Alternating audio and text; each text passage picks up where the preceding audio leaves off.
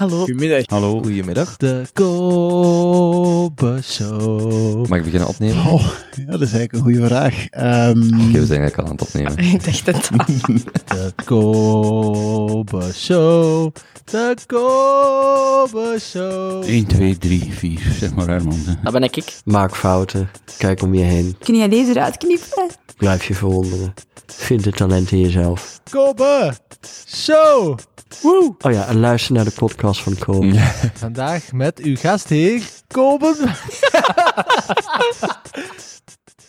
Goed, ik ben er klaar voor, eh, als u er klaar voor bent. helemaal. Ik ga misschien met een simpele vraag beginnen. Ik vind het altijd een leuke vraag. Hoe- gaat het met u? We zijn eh, net in het nieuwe jaar. Ik weet niet of dat echt een relevant moment is voor u, maar hoe gaat het ermee? Ehm, heel goed eigenlijk. Ik ehm, zit in een business die nogal zwaar getroffen is door de COVID, namelijk ehm, een eh, toeleverancier van de eventsector. Dus we hebben eigenlijk wel zware 18 maand achter de rug. Maar los daarvan eh, zijn we nu toch wel hoopvol dat van zodra de markt vrijkomt, dat we ook echt nu wel gaan kunnen eh, een seizoen van start gaan en hopelijk definitief zonder eh, veel onderbrekingen. Maar het heeft toch wel eh, mentaal wat, eh, wat energie gekost om het te overbruggen. Vooral ook om altijd je team te motiveren en aan boord te houden. En ik vind de winter eigenlijk ook een, sowieso altijd een beetje een moeilijke periode. Het is donker, vroeg donker en ik ben eigenlijk een zonnemens. Dus eh, november, december, januari zijn altijd sowieso een beetje maanden dat ik in principe eh, toch minstens eh, af en toe eens naar de zon probeer te gaan. Gewoon om een beetje energie op te doen. Maar los daarvan gaat het prima. Ik, eh, ik word straks 60 jaar en ik heb nog voor 25 jaar plannen Hm. die ik op vijf jaar moet realiseren. Dus eh, ik weet wat doen. Mocht het microfoon trouwens nog zo iets dichterbij trekken. Ehm, die, wordt u dit jaar 60? Ik word dit jaar 60. Ja, Ja. ah, juist van eh 62. ja. Is, dat, is dat iets waar je naar uitkijkt? Iets wat... Het is een beetje dubbel, omdat ik mij absoluut geen 60 voel. Ik, eh, ik zit ook met heel veel jonge mensen rond mij. Mijn vrienden zijn ook al, eigenlijk allemaal relatief tussen 25 en 45, 50. Dus eh, die zijn allemaal jonger. En eigenlijk in mijn hoofd ben ik nog altijd 18 jaar. En Hmm. dat is soms wel confronterend met de spiegel. Maar ehm, los daarvan laat ik mij er niet echt door afleiden. En heb ik nog een heleboel plannen om te realiseren. Maar af en toe realiseer ik me wel, denk zo van, eh, als ik dan lees, eh, ja, je verliest ook wel eens wat mensen in je omgeving, die dan 65 of 67 of 70 of 80 worden. Dan denk zo van, oei, ik heb maar, misschien is het binnen vijf jaar ook gedaan en wat ga ik nu prioritair doen? Dus dat doe ik wel iets meer dan vroeger. Echt afwegen van, is dit nu de moeite om me echt nog druk over te maken? Of ga ik focus houden op waarmee dat ik bezig ben of wat ik echt heel graag wil?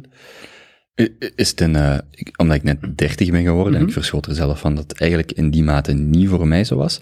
Maar is het eh, een reflectiemoment? Is 60 worden een van die momenten die je wel doet reflecteren over niet alleen de kortheid misschien nog van, of, of de, de bruskheid of de abruptheid van het, de, of de eindigheid van het leven, maar ook wa- wat je al gedaan hebt met je leven? Ik, ik sta er echt niet bij stil. Hmm. Het is heel raar. Iemand, van, iemand die ik ken, en sorry dat ik je onderbreek, een eh, gemeenschappelijke vriend, kennis, heeft gezegd, Rudy, dat is gewoon een positivist, optimist. Dus die, die, dus in die zin moet ik daaraan denken, misschien is dat ook niet een, een eh, misschien is dat een vraag die bij mij opkomt, maar helemaal bij u geen, geen issue is in, in, in die zin van, ik denk daar eigenlijk allemaal niet te veel over na, wat er al gebeurd is of had kunnen gebeuren. Of... Ja, ik, maar ik, ik, doe, ik ben graag bezig. En ze noemen dat dan in de grote mensenwereld ondernemen. Hmm. En als ik gewoon zin heb om iets te doen, dan, wil- dan probeer ik dat gewoon te realiseren. En soms ken ik, zoals dit, wat ik nu doe, daar ken ik echt totaal niks van. De vorige business in, in eh, ik heb 23 jaar eh, een aantal tuincentra gehad. Ehm, maar ik vond het retailen veel leuker dan eigenlijk de plantenkennis. Ik vond planten heel leuk. Ik, ik heb dat super graag gedaan. Maar ik was niet, je moest mij niet vragen van, eh, noem mij eens vijf haagplanten. Ik Mm. zou het vandaag nog altijd niet kunnen. Mhm. Maar we verkochten er wel heel veel. Mm. Dus, ehm, maar ik, ja, ik, ik, ben ook eigenlijk niet nostalgisch of zo. Ik vind dat, maar ja, omdat je het me nu vraagt, ehm, sta ik er niet even bij stil. Maar ik kijk altijd gewoon naar het volgende project of de volgende, ja, het volgende waarmee dat ik bezig ben.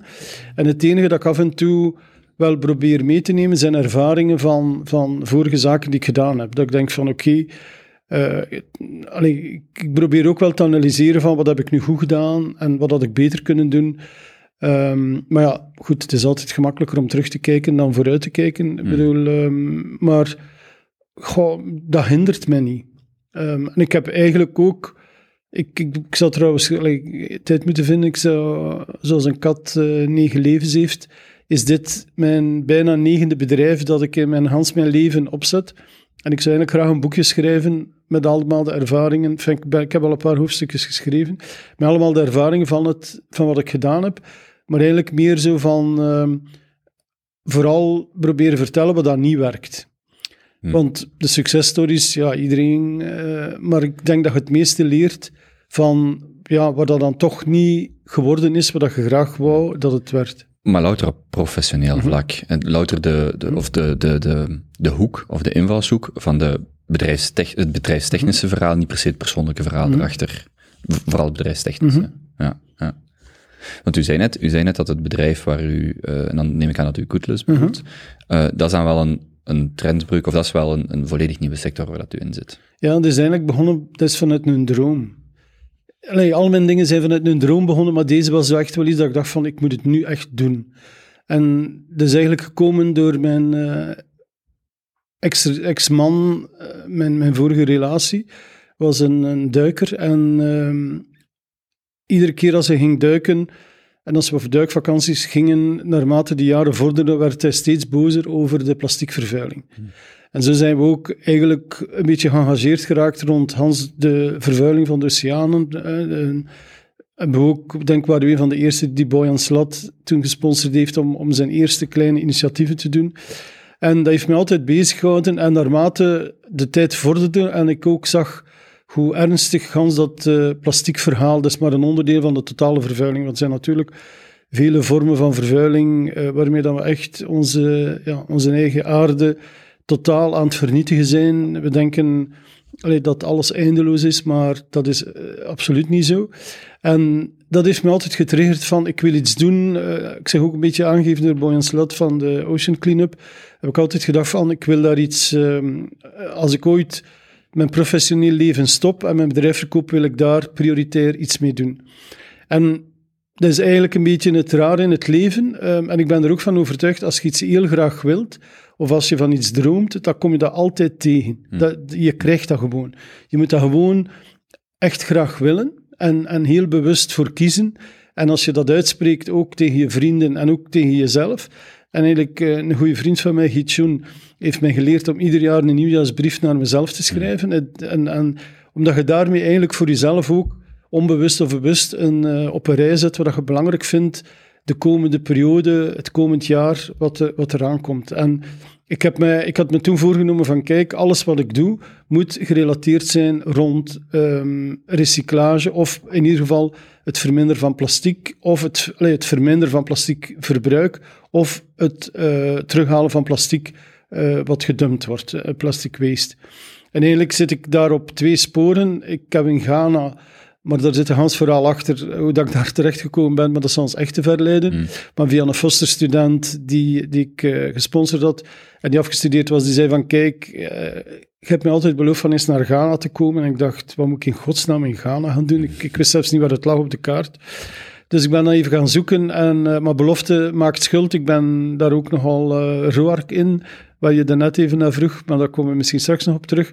Ehm, dus ik ben daar naartoe gaan. Ik zei tegen hem, kijk, ik wil eh, eens naar Ghana komen, maar dan moet je vier of vijf ondernemers ehm, eh, contacteren of opzoeken die bezig zijn rond duurzaamheid en rond eh, plastic, rond recycling. Wa- wanneer was dit? 2000? 2018, 18, eind 2018. En daar ben ik dan eigenlijk bij Coliba terechtgekomen. Allee, Dat was een van de bedrijven die ik bezocht en daar was ik zeer eh, van onder de indruk.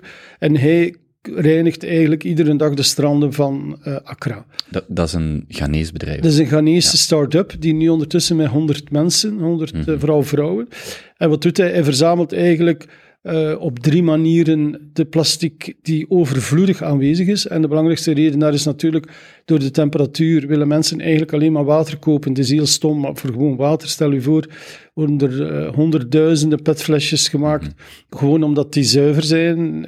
Je, eh, als je dat open doet, je wordt je niet gecontamineerd. Dus er is een enorme petindustrie die zich ook wel bewust wordt van als we daar niks aan doen, krijgen we echt een probleem. Ik zal u straks eens een filmpje laten zien, maar dat is echt een strand. eh, je kan je dat niet beter voorstellen of dat je van, eh, van Oostende, vijf kilometer, welke kant dan ook, gewoon vrachtwagen na vrachtwagen stort op het strand en dat is één zee van petflesjes. Maar dat is aangespoeld plastic? Dat was aangespoeld, ja. Dus dat Aangespoeld. komt vanuit, eh, wat gebeurt er dus? Vanuit de townships zijn, lopen er wel beken, die komen allemaal in een hoofdbeek terecht. Dus eigenlijk vegen ze allemaal onder de stoep en gooien ze dat er allemaal in. Maar dus op een bepaald moment met eb en vloed, met door die rivier, komt dat in de zee. Door eb en vloed komt dat op het strand. En als dat niet gereinigd, als dat niet weggehaald wordt, begint een bepaald moment, komt daar water in, begint dat te drijven, wordt dat een bootje en drijft dat zo de oceaan in en geraakt het dan op de bodem. Dus hij heeft zich ehm, ook door, door eigenlijk een, een ongelooflijk verhaal ehm, geëngageerd om daar iets aan te doen, omdat hij ehm, toen in 2015 eh, hij, is zelf burgerlijk ingenieur, Prins uh, Agbata, eh, een, genomineerd. Het fosterkind. Het, nee, dat is de um, Koliba guy. Ja, de, de Prince, de oprichter. Ehm, en hij was eigenlijk, hij had een topfunctie in, in Afrika, op, op zijn niveau, echt een topfunctie die duizenden dollars per maand. En dan heb je in Afrika echt Mhm. wel al een redelijk eh, behoorlijk diploma. Maar in 2015 had hij afgesproken met zijn soulmate, boezemvriend, waar dat hij van kleins af mee naar school was gegaan, om eh, samen te gaan zwemmen. Hij had afgesproken op de markt eh, in Accra. Daar is een explosie gebeurd aan een benzinestation door de plastic die in de riolen was terechtgekomen, gemengd met olie. Daar had daar een sigaret in gegooid. Een enorme explosie, 140 doden, duizend zwaar gewonden, is nog altijd de nationale rouwdag. En hij was een uur te laat. En door het feit dat hij een uur te laat was, is zijn vriend daar omgekomen. En hij heeft zich toen voorgenomen, ik maak, Zuid, ik maak West-Afrika plasticvrij. En dat is, zo is het, dus dat was zijn purpose met Coliba. Dus hij begint nu, in, in, eh, hij is bezig in Ghana, in de Côte d'Ivoire. Is ook eh, door The Economist zo genomineerd door eh, Promising 30 Under 30. Dus echt een ongelooflijk fascinerende kerel. En dus die heeft nu volop bezig met eigenlijk op drie manieren de pet terug te halen. Enerzijds gaat hij iedere dag de, met een 40, 50-tal vrouwen de stranden reinigen. Een tweede, handmatig. handmatig gaan ze gewoon van, van de strand halen. Tweede gaan ze, staan er overal van die eh, korven, die manden zo, waar, aan tankstations waar mensen het kunnen ingooien. En drie, in de townships gaat hij echte plastic gaan terugkopen van de mensen, geeft hij ze een bepaalde waarde. Hij versnippert die, hij wast die dan en hij verkoopt dat eigenlijk naar terug naar bedrijven die eh airpet maken of andere toepassingen met, eh, met pet. Hoe goed is plastic recycleerbaar? Er subgenres uiteraard, maar is, Ja. dat, is dat een product wat zich relatief makkelijk laat recycleren, eens je het kunt verzamelen? Als je het, voilà, daar vertelt je... Allee, Mm. Dat stoort me soms een beetje in het debat, want plastic is op zich een heel waardevol product. Ik bedoel, je kan daar, zoals daar, kan je... eh, de vraag is natuurlijk of je water nu in flesjes moet eh, op die massale vorm gaan distribueren, of er geen andere manieren zijn om dat op een veilige manier bij de mensen te brengen, maar dat terzijde. Maar de plastic die in een gesloten circuit terechtkomt, hè, bijvoorbeeld alle landen die echt, eh, Zwitserland, Nederland nu, België denkt er ook over na, Vlaanderen, om statiegeld in te voeren.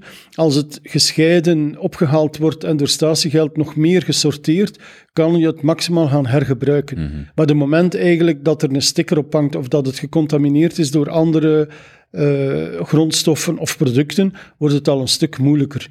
En ehm, het probleem is ook dat de, de virgin plastic is soms te goedkoop. Dus eh, ja, oliegebonden. Dus laat zeggen onder de 60, 65 dollar prijs per vat is het eigenlijk virgin goedkoper dan recyclage. Dus, en dat was heel merkwaardig. En, en dat was natuurlijk wel het interessante met Prins. eh, want een van mijn investeringen die ik samen met hem daar gedaan heb, is een groot terrein gekocht van eh, een paar hectare. En we hebben eigenlijk bijna gedurende anderhalf jaar al onze petflakes bewaard. Maar ik moet eerlijk zeggen, dat is een voetbalterrein vol. Hè? Dat ik op een moment dacht van, bon, nu zullen we toch eens moeten eh, een afzet vinden. Omdat we natuurlijk ook een minimumprijs nodig hebben. En wat dat verzamelen, we betalen die mensen ook allemaal niet. dat zijn letterlijk dat is- ko- korrels? eh, wel schilfers. Schilfers. Ja, ja. Dus, eh, en die worden ook gesorteerd, gewassen en niet gewassen.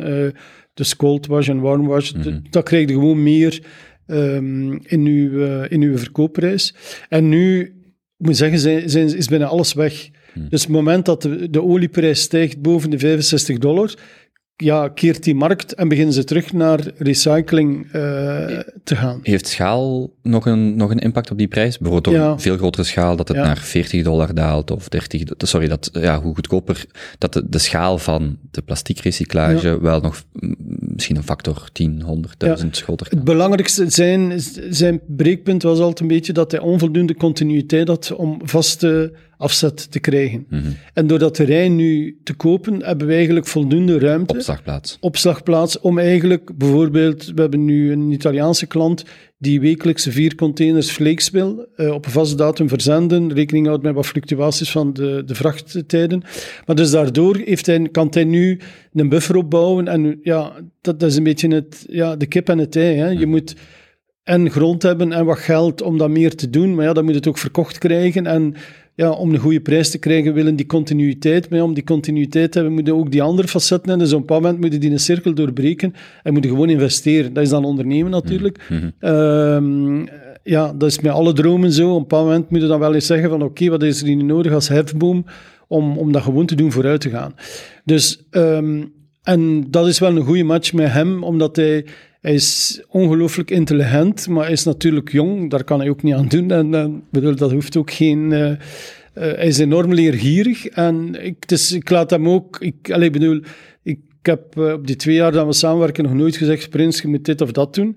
Maar als hij mij vraagt van... Goh, en eh, hij vraagt me dikwijls van, we bellen wekelijks... eh, eh, dat ik vraag hoe loopt het en, en waar loopt het tegenaan of loopt alles goed of hoe zit het daarmee. Ehm, het is iemand die, en, en dat vind ik het leuke aan, aan, eh, aan zo'n samenwerking. Ik heb hier nu ook een aantal participaties in Belgische bedrijven genomen met jonge mensen en dat vind ik wel leuk. ehm, de, de snelheid waarmee dan ze dan dingen implementeren. Ehm, ik probeer iedere drie maanden een paar dagen naar daar te gaan. En ik merk zo, hij, hij zuigt me dan leeg aan informatie en dit en dat. En, en hij wil mij dan alles laten zien en mensen ontmoeten. En ik zeg dan, ja, misschien moet het zo, of denk daar eens over na. Of, en drie maanden later is dat ook allemaal gebeurd. En dat vind ik wel heel leuk, zo de snelheid waarmee dat hij... Allee, het ongeduld, en dat herken ik wel, waarbij dat ik daar wel wat rustiger, denk ik, in geworden. Ehm hij wil het echt allemaal in no time doen. En soms moet ik hem ook zeggen van... Allee, zie dat je niet over je eigen voeten loopt. Doe maar stap voor stap. Ik bedoel, eh probeer... Het is altijd mijn principe geweest in alles wat ik gedaan heb. Eerst op microschaal uittesten. En als het werkt, dan allee, de wind daaronder en maximaal uitrollen. En ehm, soms merk ik bij starters dan ze direct met vijf eh, filialen willen beginnen, maar dat kopieert je probleem vijf keer. Je moet, ik, heb dat, ik heb ooit eens twee bloemenwinkels gelijk begonnen en ik ontdekte dat ik gewoon mijn probleem kopieerde. Je moet eerst één openen, zorgen dat die goed draait en dan moet er, moet er en dan heb ik dat met Eurotuin herhaald. Ik heb één geopend in Merelbeke en na tien jaar hebben we gedacht van oké, nu weten we dat in elkaar zit en we zijn geëindigd met vier. Alhoewel het in vier ook een probleemkind was, maar los daarvan eh, allee, op een bepaald moment weet je dan wel hoe dat werkt. En ja, je moet dat met een beetje geduld opbouwen. Dus Dus, dus, dus je hebt een fosterkind wat u introduceert aan een aantal ondernemers waarvan Ja. Prince er eentje is. Ja. Met Prince die dan, het bedrijf bestond al van 2015 of het Ja. idee of de, de, de, de, de, het starten van het bedrijf. En in 18 ontmoet je hem en beslis of 19, en beslis je om in te stappen of daar, daar samen mee aan de slag te gaan. ja, maar toen ik naar daar ging, had ik iets van... Ik had een budget dat ik, dacht, dat ik gezegd had in mijn hoofd van kijk, dat wil ik daarin investeren, maar het moet in een duurzaam project zijn en het moet, ik kan geen charity doen. Het moet echt, het is een investering. Dus ik wil een return on investment, maar dat mag daar blijven. Ik hoef dan niet meer terug te komen, maar het moet daar wel renderen en het moet daar opbouwend zijn. Maar je zit op dat moment in, in uw hoofd eerder in de rol van investeerder dan ondernemer. Ja, Ja, ja oké. Ik wou gewoon, dus ik had dan die vier eh, bedrijfjes bezocht, waaronder Prins. En ik had hem gevraagd van, kijk, Wat, wat zijn uw, uw dromen? Waar wil je terechtkomen? En wat heb je daarvoor nodig? En dan vertel ik dan Hans zijn plan. En hij zei, kijk, ik heb, eh, om nu maar iets te zeggen, 50 nodig eh, om dat te realiseren. En ik heb hem dan gevraagd, maar stel nu dat ik je dan 100 geef, wat kun je dan doen? Hmm. Want meestal, zeker in België, als je bij een investeerder gaat en je vraagt je een miljoen, dan zegt hij, ik zal beginnen met een half miljoen en dan zien we wel. Ter- En ik heb hem gezegd van, kijk, als je nu dubbele krijgt, wat zou je dan doen? En ja, daar flipte hij naar want daar had hij helemaal niet bij stilgezet. mhm. Kijk, Lijkt me een heel mooi moment om dat bij een jonge gast te zien van, ah ja, wacht, het kan ook dubbel zo groot. Maar ook, Of- ook omdat ik direct aanvoelde, en dat is een heel belangrijk aspect in ondernemen, eh je gevoel volgen. Mm. Ehm, je hebt dat voor iets gekregen. We zijn dat echt totaal verleerd. Ik ben er over laatst nu terug nog eens ingelopen met iemand, dat ik tegen mijn gevoel in eh, toch eh, iemand aan boord heb gehaald. En dat is heel, heel, heel erg slecht afgelopen. Maar goed, ik wist eigenlijk, eigenlijk kon ik het op voorhand weten. Maar bon. Hmm. Eh, Dus je ziet, zelfs op je 59ste eh, is soms de honger groter dan het verstand. En dan is het goed dat dat gebeurt. eh, maar dat is ondertussen allemaal rechtgezet, dus dat is op zich niet zo erg. Maar ik had wel een heel sterk gevoel van... Allee, die, dat is een hele pure mens. En, en ik voelde dat direct ook, dat klikte ook direct. En, en allee, die had ook geen... Voor een Afrikaan dan... eh, Allee, maar het is niet alleen een Afrikaan, in Europa is dat mensen, maar die had ook zo geen... Die had nog een oude telefoon... ehm Allee, niet tegenstaan, dus ik zeg, hij heeft, hij heeft het niveau van burgerlijk ingenieur in Afrika gehaald. Ik heb dan zijn, zijn prof, zit nu ook in zijn raad van bestuur, waar dat hij voor gewerkte, die allee, voor veiligheidsdiensten werkt internationaal, dus daar werkte hij mee samen. Die heeft drie jaar tegen hem niet willen spreken, omdat hij zei, maar wat ga jij nu doen, prins plastiek verzamelen? Ik, heb, ik heb zo veel talent en allee, je kunt een internationale carrière maken. In, in, eh, en zijn, eh, dus die was echt kwaad. Maar toen dat hij een board geïnstalleerd waar ik dan ook in kwam, is die eigenlijk teruggekomen. Heeft hij gezegd, kijk, ik eigenlijk heb je gelijk dat je een droom volgt. Als je dit echt moet doen, moet je dat doen. En ik ga je daarbij helpen. Dus hij heeft zo'n paar... allee, we zitten met vijf mensen in een board, allemaal... allee, echt topmensen vanuit Ghana, die allemaal zowel ergens een positie... Die ook die, die passie van hem voelen, om wat dat hij doet. En dus dat vind ik eigenlijk een, een, ehm, een heel leuk project om, om bij betrokken te zijn. En ik vind het ook altijd heel leuk om, om samen met, alleen met ambitieuze mensen dat soort dingen eh, op rails te trekken. En ik, ik mis het heel hard. Ik kan nu even niet binnen door COVID. Maar ik, eh, ik ga nu eh, in februari terug trouwens met ook een heel boeiend initiatief River Cleanup. Eh, met Thomas. Nee, eh, nee, dat is een Vlaams initiatief. Eh, met eh, Thomas. En ehm, hier in, in Vlaanderen, maar die ondertussen ook in de Wereld projecten aan het opzetten is. Dus die is eigenlijk plastic uit de rivieren aan het halen. En dat gaan we dus nu ook... We gaan nu proberen, samen met River Cleanup, de, ook de plastic uit de rivier te halen voordat het eigenlijk op strand komt. Dus we willen eigenlijk een soort sens... Allee, en, en dat is nu de bedoeling ook naar de toekomst, dat we mensen gaan sensibiliseren van gooi het niet weg, maar gooi het dan minstens in, in, in, een, in, eh, in een bin of breng het terug of eh, naar droppunten, maar gooi het niet eh, in, gooi het niet in de rivier, zodat het eh, wegblijft van de oceaan. Nu, als je de totale problematiek ziet, eh, op de Ocean Cleanup staat zo'n een, een, ehm, je moet maar eens naar de website gaan, een wereldkaart met de droppunten van de grootste plasticvervuiling in de wereld. Het is eh, een druppel op een hete plaat, maar ik denk als we met, al, met genoeg mensen allemaal druppels, ehm, gaat die plaat ook wel afkoelen. Maar los daarvan moeten we ons echt toch wel bewust zijn waarmee dan we bezig zijn. Eh, bon, hier is het reëel, in Europa hebben we het denk ik redelijk onder controle. Ehm, er wordt heel veel al opgescheiden verzameld. Daar wordt ook wel al een deel van eh, gerecupereerd. Een groot deel wordt ook nog altijd naar de verbrandingsovens gebracht. Dat mag dan niet verteld worden, maar dat is gewoon zo. Maar bon, het, de stromen worden in ieder geval toch al een stuk ehm, ehm, ja, beheerst. Maar ja, in die landen en, en ook in Azië en zo is dat... Ik, ik kan er echt... eh, als je nu zegt, waar worden ongelukkig van? Als ik zo die beelden zie, dan ze vrachtwagens met plastic storten in de zee, daar, daar kan ik echt zitten van janken. Dat kan mij zo raken. Ik vind dat... Dan denk ik van, maar zijn we nu zo dom dat we... Omdat het oplosbaar is, het probleem? Is dat dan wat u... Ja, maar, ja, maar dit is in ieder geval niet de oplossing. Hmm, hmm. Ik bedoel, ehm, moesten we proberen allemaal wat minder eh, plastic eh, en wat afval te produceren? Allee, of, of, ja, er zijn zo ketens ook een... een allee, ik, ik moet nu, ik weet nu een beetje mijn woorden, maar er zijn, van, van eh, mooie retailwinkels, om geen namen te noemen, de Cru. Ik vind dat een hele leuke winkel. Maar als ik dan zie wat berg plastic dat daarin verwerkt wordt voor, voor ja, natuurlijk, weet wel, het excuus is dan ja, maar de houdbaarheid en bla bla bla, ja, dat zal wel, maar ja, als je echt dan nu wilt onderscheiden als concept, levert alleen met een beenhouwer draait het ook in papier. Ik bedoel, oké, dat is dan misschien iets, dan moet je iets meer innovatie of iets meer creatiever dan in je retailen omgaan, maar ja, dat stoort mij dan wel. En in, in het geheel is Hans, we moeten daar toch eens bij stilstaan. En ik, ik wil absoluut zo niet tot die generatie behoren, ook al word ik dan 60 van het zal mijn wel tijd wel. Ik vind dat verschrikkelijk, ik kan dat echt niet verdragen, dan krijg ik echt ruzie. De, de- als ik dat hoor, dan maak ik echt ruzie met mensen, maar dat vind ik zo erg. Ehm, ik bedoel, als iedereen zo had gedacht, hadden we ook zelf geen leven gehad. Mm, mm. En vind allee, dat we echt moeten, en ik merk dat ook wel, dat neemt nu ook wel toe, ook met de river cleanup en zo, het bewustzijn, ook het beleid. Zoal Demir is daar ook heel bewust van, rond zwerfvuil. Ze heeft nu ook echt duidelijk doelstelling gezegd van dat moet verminderen of ik ga statiegeld invoeren. Dus allee, we hebben ook moedige, we krijgen stilaan ook moedige politici. Ze is ook nog een jonge vrouw, een jonge moeder. Ik denk, de jongere politici zijn zich ook bewuster van, van allemaal die aspecten op langere termijn en de impact die het kan hebben. Maar we moeten toch eens nadenken, nu los van Hans die plastiekpollutie, waar we mee bezig zijn. Ik bedoel, kijk gewoon naar hoeveel kinderen geboren worden met allergieën. Ik bedoel, ja, als je eh, een goede vriendin van mij geeft les aan kleuters, die zegt, Rudy, ik, eh, ik heb 30 kleuters, ik, ik heb 27 briefjes van intolerant daaraan, daaraan, daaraan.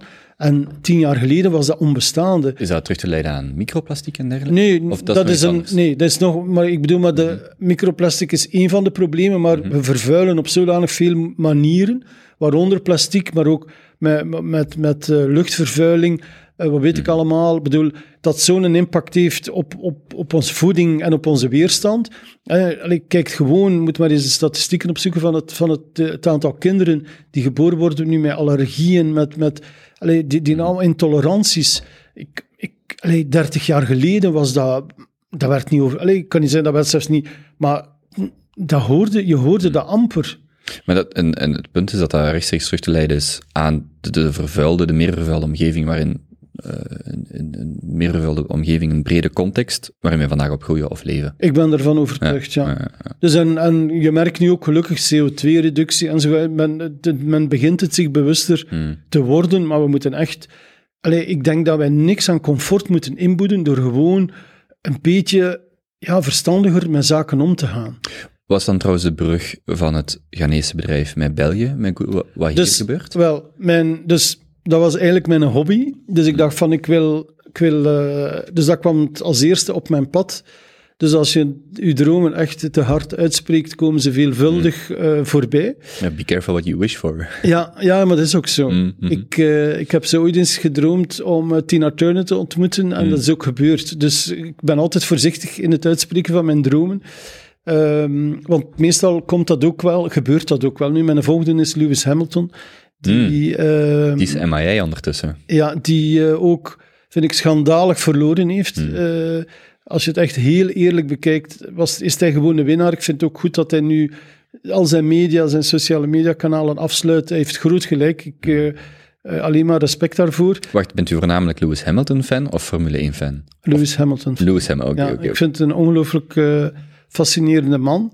Ehm, maar die ook, en eigenlijk, ik moet zeggen, het is eigenlijk heel toevallig, want ik kende niks van eh, Formule 1, nog van Lewis Hamilton, tot een jaar of twee en een half geleden een goede vriendin mij op Instagram eens een filmpje van hem stuurde dat hij op een strand zat en dat hij zei, guys, ik ben hier op vakantie, maar ik heb hier twee uur puin moeten ruimen en vuiligheid van het strand halen voordat we konden op het strand gaan liggen. Waar zijn we mee bezig?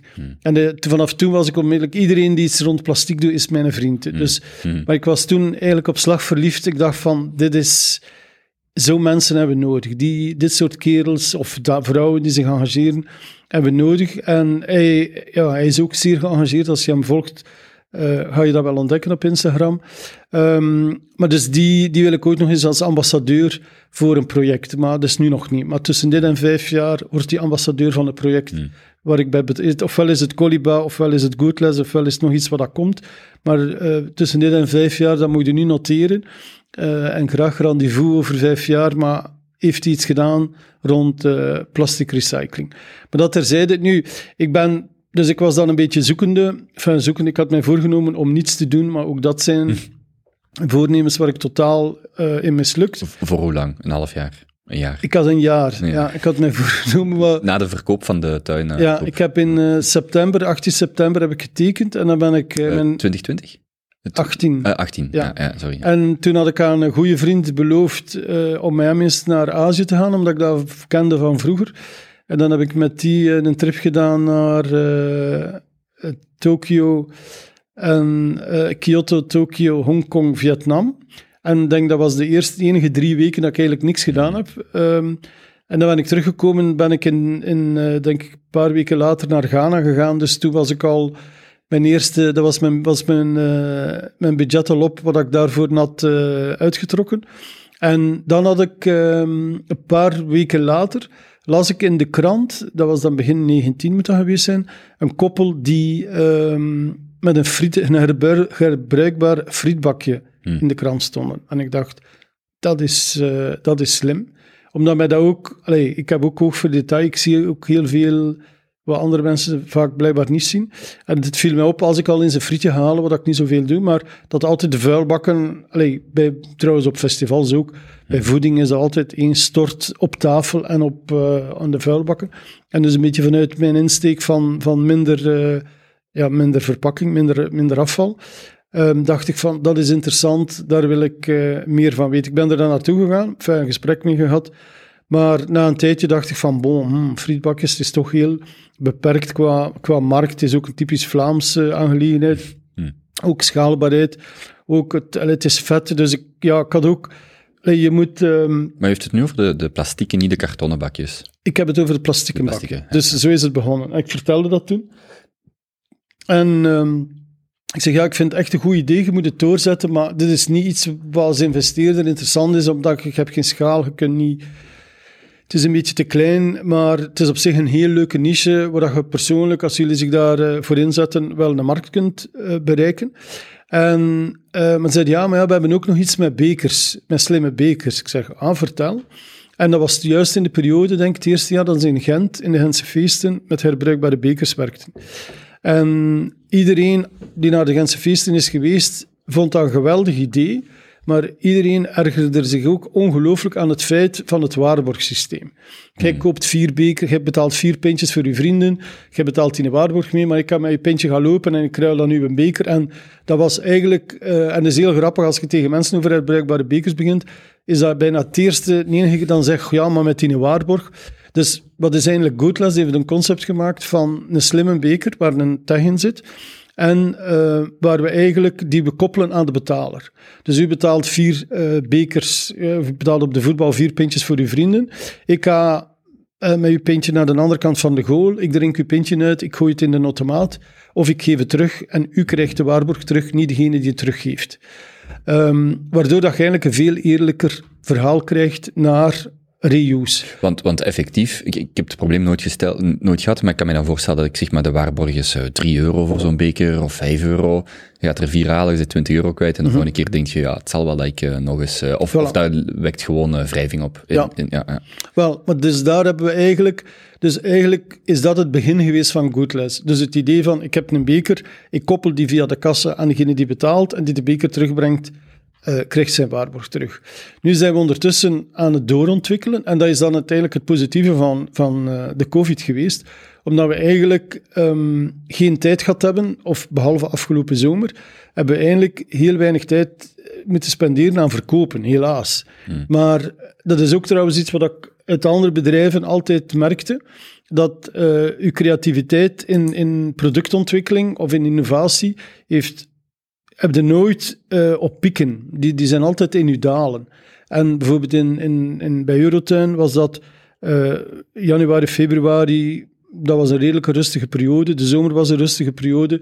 En dan beginde, allee, dat maakten wij ook, deden we ook altijd de brainstorms voor de volgende seizoenen, omdat je dan fris bent en wat het moment dat je nu een piek zit van, van, van verkoop, en in het seizoen ook bij ons, met, als het druk is, ja, dan moet je gewoon zorgen dat alles werkt, dat iedereen zijn materiaal heeft, dat terug... De, en dan niet, oh, ik kan eens nadenken hoe dat ik dit zou kunnen optimaliseren. Ja. Je, je, je past hooguit... Je moet, de- gewoon, je moet gewoon de dag of de week Voilà. overleven. dan moet je Ja. Mhm. pieken op pieken en moet je cashen. Ik bedoel, het moment dat ze met geld staan te zwaaien, moet je niet zeggen van, oh, ik ga even in mijn kelder, Mhm. eh, het is hier te warm. Ik bedoel, dan moet je gewoon eh, nee, de- Mhm. het veld op en, en gaan oogsten. Dus, Elke dat restaurateur vandaag, doe, doe maar, doe maar, doe maar met al die Nederlanders. Niet Ah, voilà. nadenken over de Ja, ja, toekomst. maar terecht ook. Allee, ja. Het is nu geen ene restaurateur die gaat denken van goh, wat, zou ik eens volgende, wat ga ik van de zomer op Mm. mijn kaart zetten? Die zijn nu gewoon volle van overeen aan het scheppen. Dus, en, en bedoel, zo werkt het ook. Terecht, Eh. Ehm, maar, eh, dus in die zin hadden we wel, eh, toen ik daarin stapte, hadden we ze wel al ook een, een dat was dan halverwege 19, hadden we, hebben we een aantal maanden kunnen testen en, en al eh, eens een proefopstelling gedaan tijdens een lokaal evenement met zo gans het gesloten circuit van slimme bekers met een kassa en een automaat. En eh, daar hebben we toen heel veel van geleerd. Eh, en de belangrijkste les was, van alles wat we deden was een zeer goed idee, maar op de meest slechte manier dat we bezig waren. Dus zowel de techniek als de automaat, als de bin. Allee, we hadden, dat was allemaal aan elkaar geplakt, ook letterlijk. Dus maar dat heeft me dan wel doen inzien van oké, er zit hier wel potentieel in, maar we moeten dat wel professionaliseren. We moeten daar echt nu wel werk van maken. Als we daar echt willen mee doorgaan, dan moet dat echt een stuk professionele- professioneler en eh, degelijker gebouwd worden. En eigenlijk door Hans dat proces heen, ehm, ja, ik, da- daar kan ik een uur over vertellen, maar ik zal het proberen reduceren, zijn we eigenlijk van ehm, aan de derde type automaat bezig, die we nu gaan launchen, die, waar ik ook heel tevreden mee ben, dat ik eigenlijk na 18 maanden R&D en zeer veel geld ehm, vind dat we nu echt wel een zeer sterk product hebben.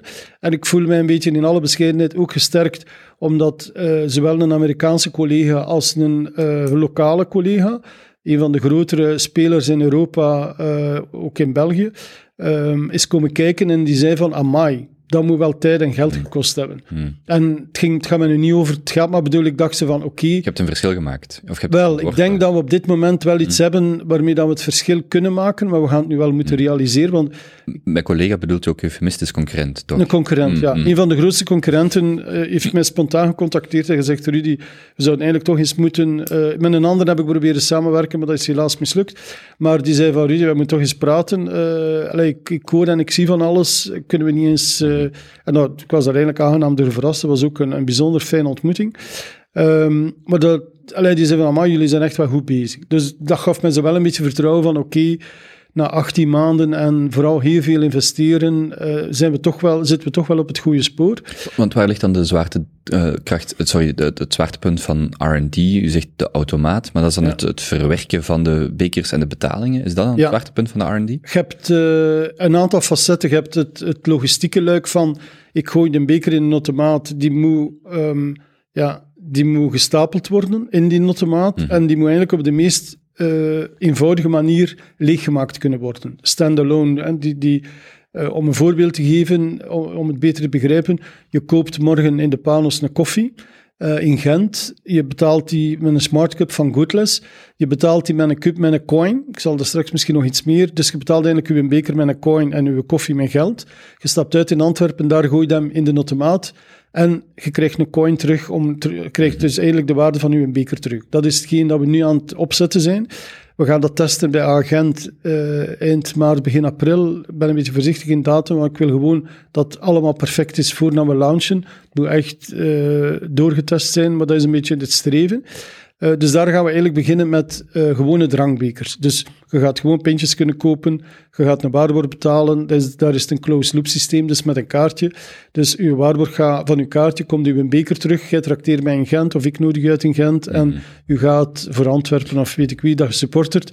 Ehm, Genk, Racing. Genk. Ah ja, die komen ook binnenkort kijken trouwens. Ehm, dus ehm, je Maar gaat... Wacht, u zegt, sorry, dat ik een- maar het kaartje, daarmee bedoelt u het interne betaalsysteem Ja, dus het van de interne club? betaalsysteem. Ja, Ja, van de Dus club, ja, van de club, ja. Ja. Dus dat noemen wij closed loop. Dus er staat daar 100 euro op. Je Mhm. koopt vier pintjes, dat is 8 euro. En je betaalt vier, vier, in dit geval 4 euro bekers. Eh, komt die een beker terug, krijgt u een, uw ehm, euro terug op je kaartje. Nu, wat is eigenlijk de uitdaging eh, in Hans dat proces wat we nu ontdekken? Dus eigenlijk dat, dat verhaal eh, met een tech, dat is software. En dat moeten gewoon slimme mensen, en die heb ik ook gevonden, aan een tafel zetten en het vooral niet proberen begrijpen. Eh, en ik vraag gewoon de laatste regel in de offerte. Dit moet het resultaat zijn. Ik gooi er een beker in die toegewezen is aan iemand en het geld wordt teruggestort aan degene die betaald heeft. En als dat kan, ook al maakte daar 70 pagina's offerte van, als het dat kan, dat zal ik u betalen. Maar dat wil ik ook wel dat het werkt. Dan moet je niet afkomen van, ja, maar dat wist ik niet en dat wist ik niet. Dit is de oplossing die ik wil en ik huur u in of ik koop uw kennis. Dus daar, eh, daar reken ik op. Dus daar zijn ze nu mee bezig, dus dat loopt. En, en ik heb daar echt, denk ik, de juiste mensen... en Ik heb dan ook nog iemand die mij daarin geadviseerd heeft, maar dat zit zeer goed. Dus die puzzel moeten we nu in elkaar steken. Dat gaat de komende weken gebeuren van de koppeling van die software naar de koppeling aan die automaat, naar de koppeling naar een kassa. Want dat wordt de, allee, de- ja, dat wordt de grootste uitdaging. Dus dat zal ook nog wel wat voeten in de aarde hebben, maar dat is allemaal niet onmogelijk. Ik bedoel, als je naar de maan kunt vliegen, moet, moet dit ook mogelijk zijn. Dat is ook geen rocket science voor, voor mensen met kennis. Dus ze moeten mij ook niet met problemen, ze moeten gewoon maar maken dat het werkt. Ehm, dus, maar dat gaat wel lukken. En dus dat is eigenlijk de basis waarmee dat we van start gaan gaan. Dit is eigenlijk de bedoeling om tot de zomer een aantal cases eh, op verschillende niveaus uit te testen. Dus we hebben hier... ehm, dus met Agent gaan we starten. Er zijn nog een aantal ploegen geïnteresseerd. Ondertussen gaan we, zijn we in Leuven. En, en dat is eigenlijk een, een, eh, een sideproject waar ik dan ingestapt ben. Ehm, dat is Cupa. In Leuven is er nu een project eh, van... was van drie jonge starters. We hebben dat bedrijf nu overgenomen. Eentje is mee in ons team gekomen.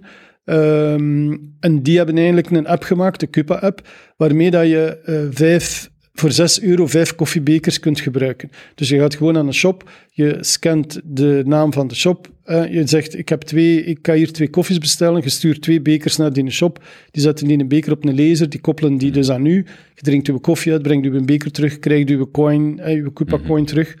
Ehm, dus dat was eigenlijk een microproject dat we gedaan hebben, waar we heel veel van geleerd hebben. Want daar gaan we nu ook een kleine automaat zetten. Ik ga dit weekend nog naar Zwitserland om eh, een prototype te gaan bekijken, dat eigenlijk iets eenvoudiger is dan wat wij hebben, dat eh, daar ontwikkeld is.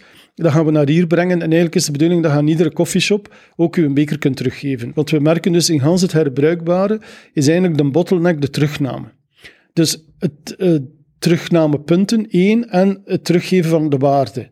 Dus dat er, Maar het gaat hier over kartonnen bekers. nee, dat gaat over eh, herbruikbare plastic bekers.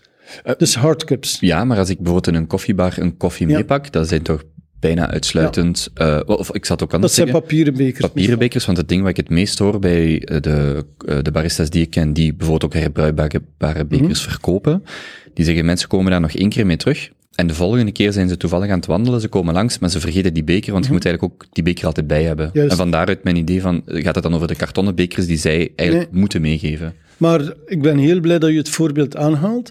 Want inderdaad, ze, nemen dan die beker mee naar huis en dan staan ze daar terug.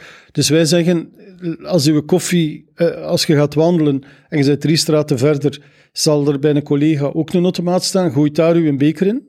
We krijgen uw waarborg terug. We gaan die halen om te wassen. En wij zorgen dat die een barista propere bekers terugkrijgt. Dus wij willen eigenlijk, samengevat, eh, en we hebben dan ook nu nog een poot reduce, waar dat we hetzelfde doen met voedselverpakkingen. En wat is eigenlijk onze driver, is niet alleen ehm, ja, het herbruikbare promoten en toegankelijk maken, zowel voor de eh, B2B2C, voor de business, voor de partners, maar ook voor de consument. En ehm, dus daar zijn we nu eigenlijk een totaalconcept van aan het maken. We zijn ook een automaat aan het maken voor voedselverpakkingen terug te geven. Dus wat is eigenlijk onze droom die eind van het jaar toch eh, zichtbaar moet zijn on the, allee, on the field, is dat je een app hebt waar dat je, om het nu samen te vatten, eh, een app hebt waarin dat je, ik zeg maar iets, 10 coins hebt. En je gaat naar een festival en op dat festival betaalt je bekers met die coin. Maar je gaat morgen bij Balls Glory bestel je take-out ehm, eh, een maaltijd. Die verpakking kan je ook betalen met die coin. Je gaat een bak bier kopen. Je kan, die vier, eh, je kan ook vier coins geven voor een bak bier. Dus dat we eigenlijk een soort universele wisselmunt creëren, waarmee dat je al je waarborgen kunt betalen. En waarom doen we dat? Omdat als je als ik morgen een euro aan u moet terugstorten, kost mij dat 7 tot 12 cent transactiekosten. Dus puur gewoon om uw centen terug te geven. Maar die marge hebben wij niet. Dat is hetgeen dat wij nodig hebben om die in een beker te wassen.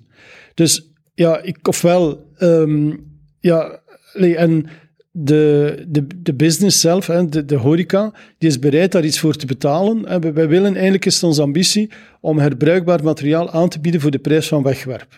Dat moet het uitgangspunt zijn. We zijn daar nog niet, maar we zitten daar, zeker wat drankbekers en koffiebekers betreft, heel dichtbij. Voeding is iets complexer, maar voor die zaken zitten we heel dicht bij dat uitgangspunt. Dus daarin, dat gaat lukken.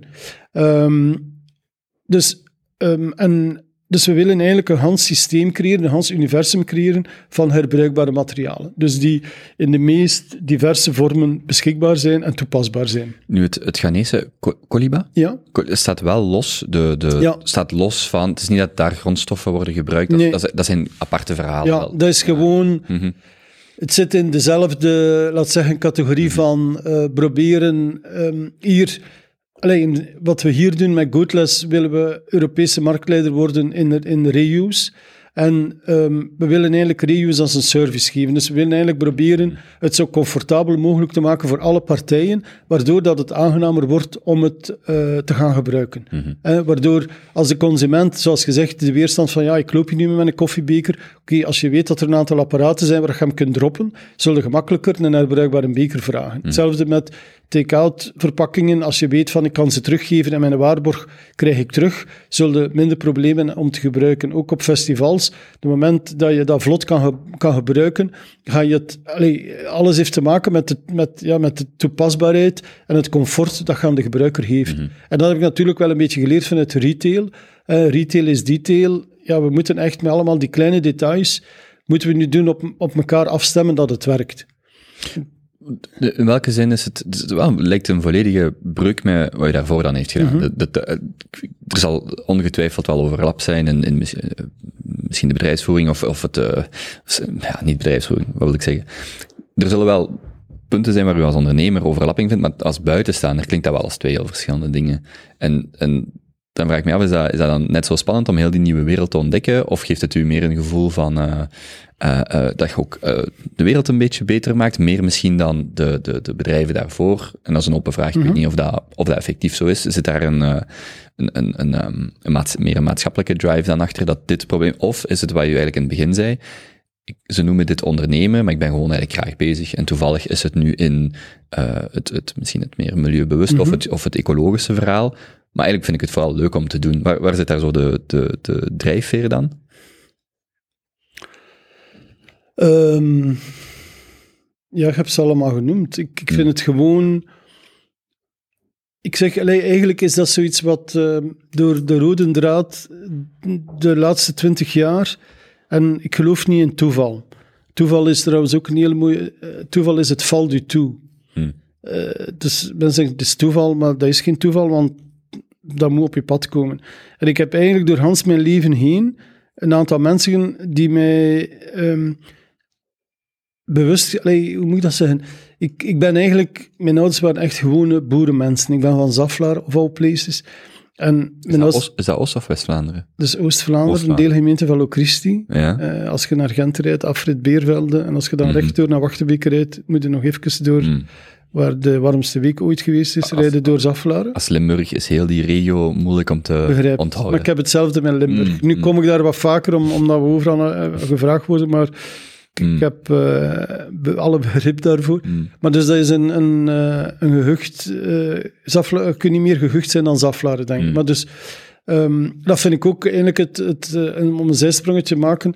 Mijn ouders waren echt gewone boeren, zoals, kan niet zeggen het gezin van Pamel, maar het scheelt niet veel. Echt gewone boerenmensen die van morgens tot avonds vroeten en werkten om, om zoals alle boeren, ja, 80% van de bevolking was dan landbouwer. Ehm, en dat vind ik eigenlijk wel fantastisch als ik daar nu aan terugdenk.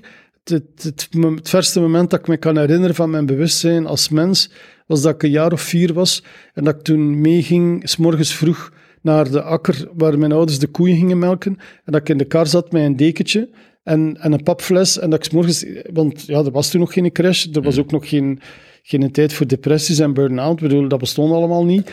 Dus mensen hadden er ook weinig last van. Dus ik werd gewoon in een dekentje gezet. En ik kan me dat echt nog bewust herinneren dat, er zo, dat ik dat zat te pluizen en dat ik gewoon alles zat te observeren en dat we dan teruggingen en dat ik dan waarschijnlijk in mijn bed terugkroop of weet ik wat. eh, maar dan ze gewoon iets hadden van, ja, wij moeten nu de koeien gaan melken en we hebben een kleine, moet dus we doen die een kleine Ah. mee. Ik bedoel, die zat er niet... Ik zie dat in Afrika trouwens ook. Ik bedoel, eh, je sterft daar niet van. Ehm, maar dus als ik dat nu eigenlijk zie van dat moment tot waar ik vandaag sta, wat wereldburger dat ik geworden ben, allee, ik heb een ongelooflijk leven achter de rug. Dus ik hoop dat ik daar nu nog een beetje kan aan. Maar eigenlijk kan het mij nog op weinig, weinig dingen verrassen. En ik bedoel, verrassen, je zou kunnen zeggen, ja, je gaat nu, je hebt je eigen privéjet en maar ga mij dat nu als mens gelukkiger maken? Ik, ik denk het niet, ik, omdat ik daar ook weinig waarde... Ik, ik, echt, ik vind mooie dingen belangrijk, maar status vind ik minder belangrijk. Ik vind dat niet zo... Ik vind gewoon, het is mooi of het is niet mooi. Ik heb het nodig of ik heb het niet nodig. En dat is een beetje mijn criterium altijd geweest. Dat maakt het leven ook gemakkelijker. Als, als je vanuit dat uitgangspunt, dan heb je ook weinig stress van, oh ja, dit is een nieuwe Rolex uit, ik moet die nu ook hebben. Ja, nee, ja, allee, snap je? Dus in, in dat opzicht ben ik materialistisch weinig eh, ambitieus geweest of, of verlangen.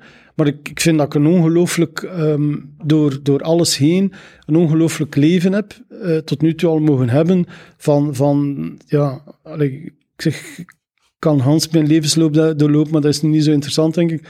Maar gewoon als ik, eh, allee, en, en, maar uw generatie en jonger kan, kan zich dat niet voorstellen, maar ik heb de eerste kleurentelevisie meegemaakt, de eerste cassetterecorder, de eerste fax, eh, de CD. Ik bedoel, dat zijn allemaal dingen die nu, als je tegen een 18-jarige daarover spreekt, die waarschijnlijk zegt, wat was dat nu weer? Eh, ik zal een keer... Hoe deed misschien heeft, me- misschien heeft mijn opa dan nog wel ergens op zo, eh, vinden ze. En de, de platen komen nu terug, lees ik, maar dus dat retro komt wel een beetje terug. Dus, maar ik vind het eigenlijk ongelooflijk dat ik nu, dat ik, en ik probeer ook in die nieuwe dingen wel wat mee te zijn, dankzij Peter Hinsen onder andere. Ehm, maar Allee, we zitten nu wel in een ongelooflijk boeiende wereld. Maar wat ik eigenlijk wil zeggen, dat de rode draad in mijn leven, dus los van allemaal die, die boeiende veranderingen die in de wereld zijn gebeurd, heb ik ook een aantal zeer interessante mensen ontmoet en, en een, een heel mm, interessant netwerk, maar dat klinkt zo vrij eh, eh, voor allee, mijn voorbedachte raden, maar ik, ik, heb, ik merk nu dat ik in mijn telefoon zoveel interessante mensen zitten heb, die ik kan vragen van, wilde mij niet helpen in mijn project? En eigenlijk is mijn project niet, en, en dat meen ik oprecht, kijk, in alle onbescheidenheid voor het geld moet ik niet meer doen. Ik, ik- maar ik heb ook het voordeel, ik, ik heb graag een goede auto, maar dat hoeft daarom geen 2 miljoen te kosten. Ik heb geen boot nodig en geen, geen eh, vliegtuig nodig. Dus met wat ik tot nu toe heb, kan ik, mag ik 100 jaar worden en ik kan perfect leven zoals ik vandaag leef, met mijn vrienden op vakantie. Dus daarvoor hoef ik niet meer te doen. Maar wat ik echt, wat ik hoop, dat ik nog even mag leven, dat ik op mijn sterfbed zo de laatste 30 seconden van mijn leven kan denken van, wauw, ik heb 100 miljoen kilo plastic uit de wereld geholpen. En ik denk dat ik dan vredevoller ga sterven, of dat ik denk van, ik heb 100 miljoen op mijn rekening staan, wat gaan ze daar nu mee doen? Of gaan ze wel doen wat ik wil dat ze ermee doen? Ik denk, dat is menselijk. Dat is niet me- dus ik, ik probeer mij echt zo... Allee, wat ik nu doe met Goodless, is echt niet voor het geld. Dat kan heel, veel waard, dat kan heel waardevol worden, maar dat is niet mijn driver. Mijn driver is echt van, ik wil nu helpen samen met mijn team en een aantal mensen die mee supporteren, een steen te verleggen om rond dat herbruikbaar, rond dat duurzaam te gaan. En eigenlijk is dat een stuk mee... Is, eh, hoe ben ik zo ver gekomen? Door Ivan, die destijds ging duiken en mij daarmee confronteerde, maar ook bijvoorbeeld door Mark de Bel, de jeugdschrijver die een goede vriend geworden is, die mij ook eh, iedere keer als hij zie eh, inpepert van... eh, gij- gij- Allee, die zegt van, je hebt ook het talent gekregen om daar iets positiefs mee te doen. Wat doe je daar nu mee? Gaat u nu blijven, uw geld alle dagen tellen, of gaat u nu iets doen voor... Allee, ik druk het niet heel zwart, niet dat het Ja. zo bruut... Maar bedoel, ik, allee, ik heb dat ook van... ehm, ja, ik, ik, ik, ik heb nu een heel mooi netwerk van... Ik zeg van, maar dat zijn ook maar mensen en interessante mensen. En ik denk, als ik die draadjes allemaal aan elkaar nu kan koppelen, kunnen we gewoon allemaal samen iets fantastisch realiseren. En als dat lukt, dan ga ik met pensioen. Die, die situatie van die financiële, had je die buffer wel nodig om die switch te kunnen maken naar wat ga ik eigenlijk achterlaten in de zin van, wat ga ik nu eigenlijk nog doen voordat ik mijn laatste, mijn loodje, laatste loodje leg? Of is dat iets wat gewoon in u zat, maar waar je de mogelijkheid niet toe had? Maar ik heb nooit, dat is misschien heel raar, ik heb nooit geïnteresseerd geweest in geld. Maar je hebt dat nodig om dingen te doen. Hmm. Maar op zich, voor mij, ik heb mijn, mijn, mijn eerste huis voor mezelf, heb ik eh, maar 15 jaar geleden gekocht. Dus ik was toen al 45 voordat ik mijn zelf, allee, dat ik een eigendom had. Om maar te zeggen, ik heb altijd eerst alles geïnvesteerd in mijn bedrijf. Ehm, om, omdat ik dat op dat moment belangrijker vond. En pas toen dat ik met Ivan ging samenwonen en trouwen, hebben we hebben toen het huis gekocht waar ik nu nog altijd woon. En, en wat je leuk is en, en een hele mooie omgeving en zo. Maar eigenlijk heeft mij dat nooit bezig gehouden. Ja, dat is, ja, dat is voor mij geen prioriteit geweest. Mhm. Er was ook een artikel, las, las ik eh, in de tijd met u. Ik denk, eh, ja, hoe heet dat, zo die reeks van, hè, was uw belangrijkste vaste activa, zo, die, die, die reeks, maar ik, ik weet niet meer exact hoe dat die heet. Maar daar had u het ook over de vriendengroep. En u, ja, u zet het nu, en ik had hier eh, raad van advies, of ja, raad van bestuur, raad van advies, maar dan persoonlijk opgeschreven. Is dat ook iets wat de, de boerenzoon heeft moeten leren, of de waarde van heeft moeten, of is dat iets wat intrinsiek bij u komt? Ik hoor bijvoorbeeld van meerdere mensen, ik het weet, die zeggen van wij hebben, of ik heb persoonlijk een raad van advies, mensen waar ik eh, periodiek of eh, eh, op bepaalde momenten met eh, vragen terecht kan. Hoe, hoe is dat bij u ontstaan of gegroeid? Ik heb ook, in Eurotuin heb ik ook een raad van advies gehad. Ik vind dat gewoon iedere jonge starter, of, of ik het aan mijn vrienden doet, ik vind dat gewoon de meest goedkope investering dat je kunt doen. Want in de meeste gevallen doen mensen dat uit sympathie voor de ondernemer en het project. Ik, toch, ik toch, bedoel, allee, ik moet wel iets hebben met een project, maar ik vind dat tof dat jonge mensen initiatief nemen en het heft in handen nemen voor hun droom te gaan. Ehm, dus ik denk, iedere jonge starter moet dat gewoon sowieso twee, drie mensen zoeken om drie keer per maand te klankborden en te zeggen waarmee dat je bezig bent, ook al loopt het allemaal in het honderd. Ehm, dat is zeer goedkoop advies en zeer nuttig advies.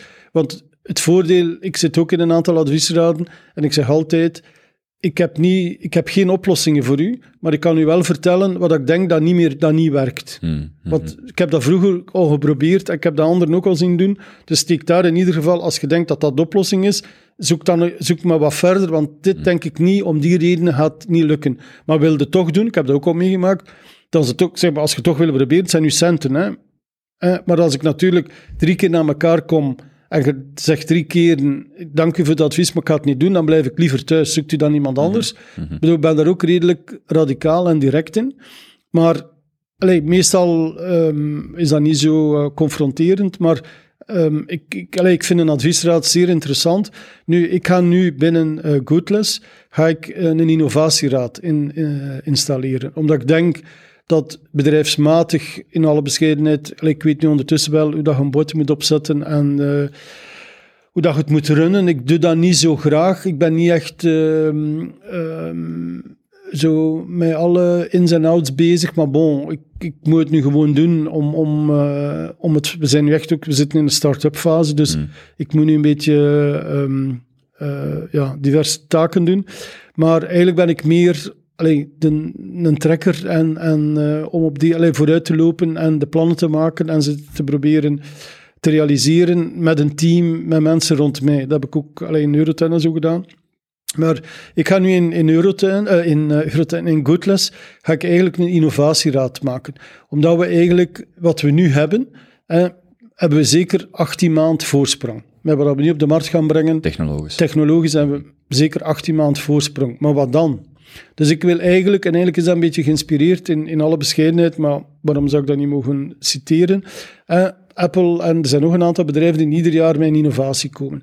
En ik wil eigenlijk ook binnen de Goodless groep ieder jaar rond eh, want Hans dat herbruikbaar is nog maar Allee, als je het vergelijkt, als je een parallel zou willen trekken met de ontwikkeling van de gsm, zitten we wat dat nu herbruikbaar eh, op de markt komt, ook qua technologie, zitten we nog in de eerste fase van de Nokia. Hmm.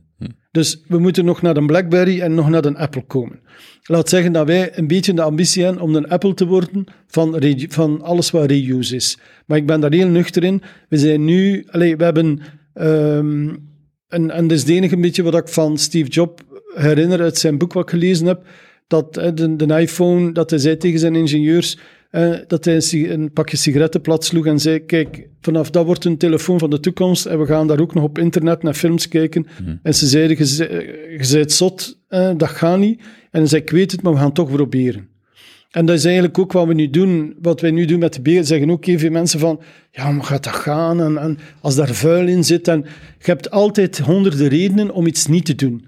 Maar ik zeg van, oké, daar zullen we dan wel een oplossing voor zoeken. Maar als nu 95% zijn een beker wel correct teruggeeft, dan gaan we daarop focussen. En die 5% is dan maar desnoods verlies, maar dan hebben we wel al 95% winst. Mensen laten zich, allee, zoeken altijd uitvluchten om iets niet te moeten doen. Allee, of zien, ik heb dat soms ook, ik ben van nature, probeer ik dat een beetje tegen te houden. Maar ja, mensen zoeken altijd zo de details dan. Eh, dit- dat vinden ze een drama. Eh, op de voetbal zijn er vijf onnozelaars en, en allee, dat hypothekeert eigenlijk Hans de tribune. We moeten, denk ik, daar anders mee omgaan. We moeten daar gewoon, allee, ja, moeten dat anders aanpakken. Eh, mensen focussen daar dan te veel op, terwijl dan ze eigenlijk dat er een hele grote groep is die gewoon allee, zich gedraagt en, en fatsoenlijk daarmee omgaat. Dus ehm, om terug te komen, dus binnen uh, Goodless wil ik eigenlijk een innovatieraad maken met drie, vier ehm, verstandige mensen, of die in ieder geval met technologie bezig zijn. Die, ook al zeggen ze maar, ja, maar weet je, het is daar een ontwikkeling en technisch is dat nu mogelijk. En ik wil gewoon input krijgen gerelateerd naar onze producten, dat we die kunnen implementeren op termijn door R&D te doen in onze producten. Een van de dingen die we nu aan het doen zijn, is in een tech, iedereen plakt die nu op de beker, ik wil die in de beker. Maar je hebt het probleem dat in een tech is aluminium, plastic wordt gespoten aan 180 graden, je kunt je al voorstellen, die smelt. Dus we hebben nu een procedé gevonden om die in tech te beschermen. We hebben nu een test gedaan, we hebben 100 bekers gespoten, 99 werken perfect. Dus denk van, oké, het is nu een beetje uh, geïmproviseerd, hebben we dat gecreëerd, we moeten dat nu industrialiseren. Maar bedoel, dus daar wil ik eigenlijk met Goodless, dat moet, een, dat, dat moet een innovator worden in de toekomst. En allee, daar moeten we challengen met wat dat, ja, in de wereld gebeurt. En ja, er moet dit jaar zal ik, allee, komend jaar of dit jaar zal ik zelf nog het bedrijf nu trekken en, en de juiste mensen zoeken. Uh, we gaan ook nog een fundingronde doen, um, dat we de juiste team kunnen samenstellen. En daar wil ik eigenlijk wel terug naar de kern gaan. Wat ik graag doe, is innoveren, netwerk opbouwen, hm. mensen ontmoeten, het bedrijf koppelen aan, aan ja, zowel aan, aan klanten als aan, aan innovaties. Mensen die met nieuwe dingen bezig zijn, met hen gaan praten en te kijken wat kan iets betekenen voor ons. Uh, kunnen, samen, kunnen we met de technologie ervoor zorgen om uh, ja, gewoon minder plasticvervuiling te krijgen. En allee, een leuke zou zijn als, we dat, als dat betaalbaar wordt, dat we dat in Afrika kunnen doen, waardoor dat mensen niet meer hun spullen moeten in de beek gooien, maar dan ze het kunnen teruggeven, dat we hen daar iets kunnen voor teruggeven, dat we de waarde die wij daarvan maken want dat doen we nu wel met Coliba. Dus in de townships kopen wij eigenlijk de plastic op en mensen krijgen dan, en dat is waanzinnig naar Europese normen, want die krijgen dan 50 cent voor een ganse zak met uh, petflesjes, maar daar kunnen ze een maaltijd mee kopen.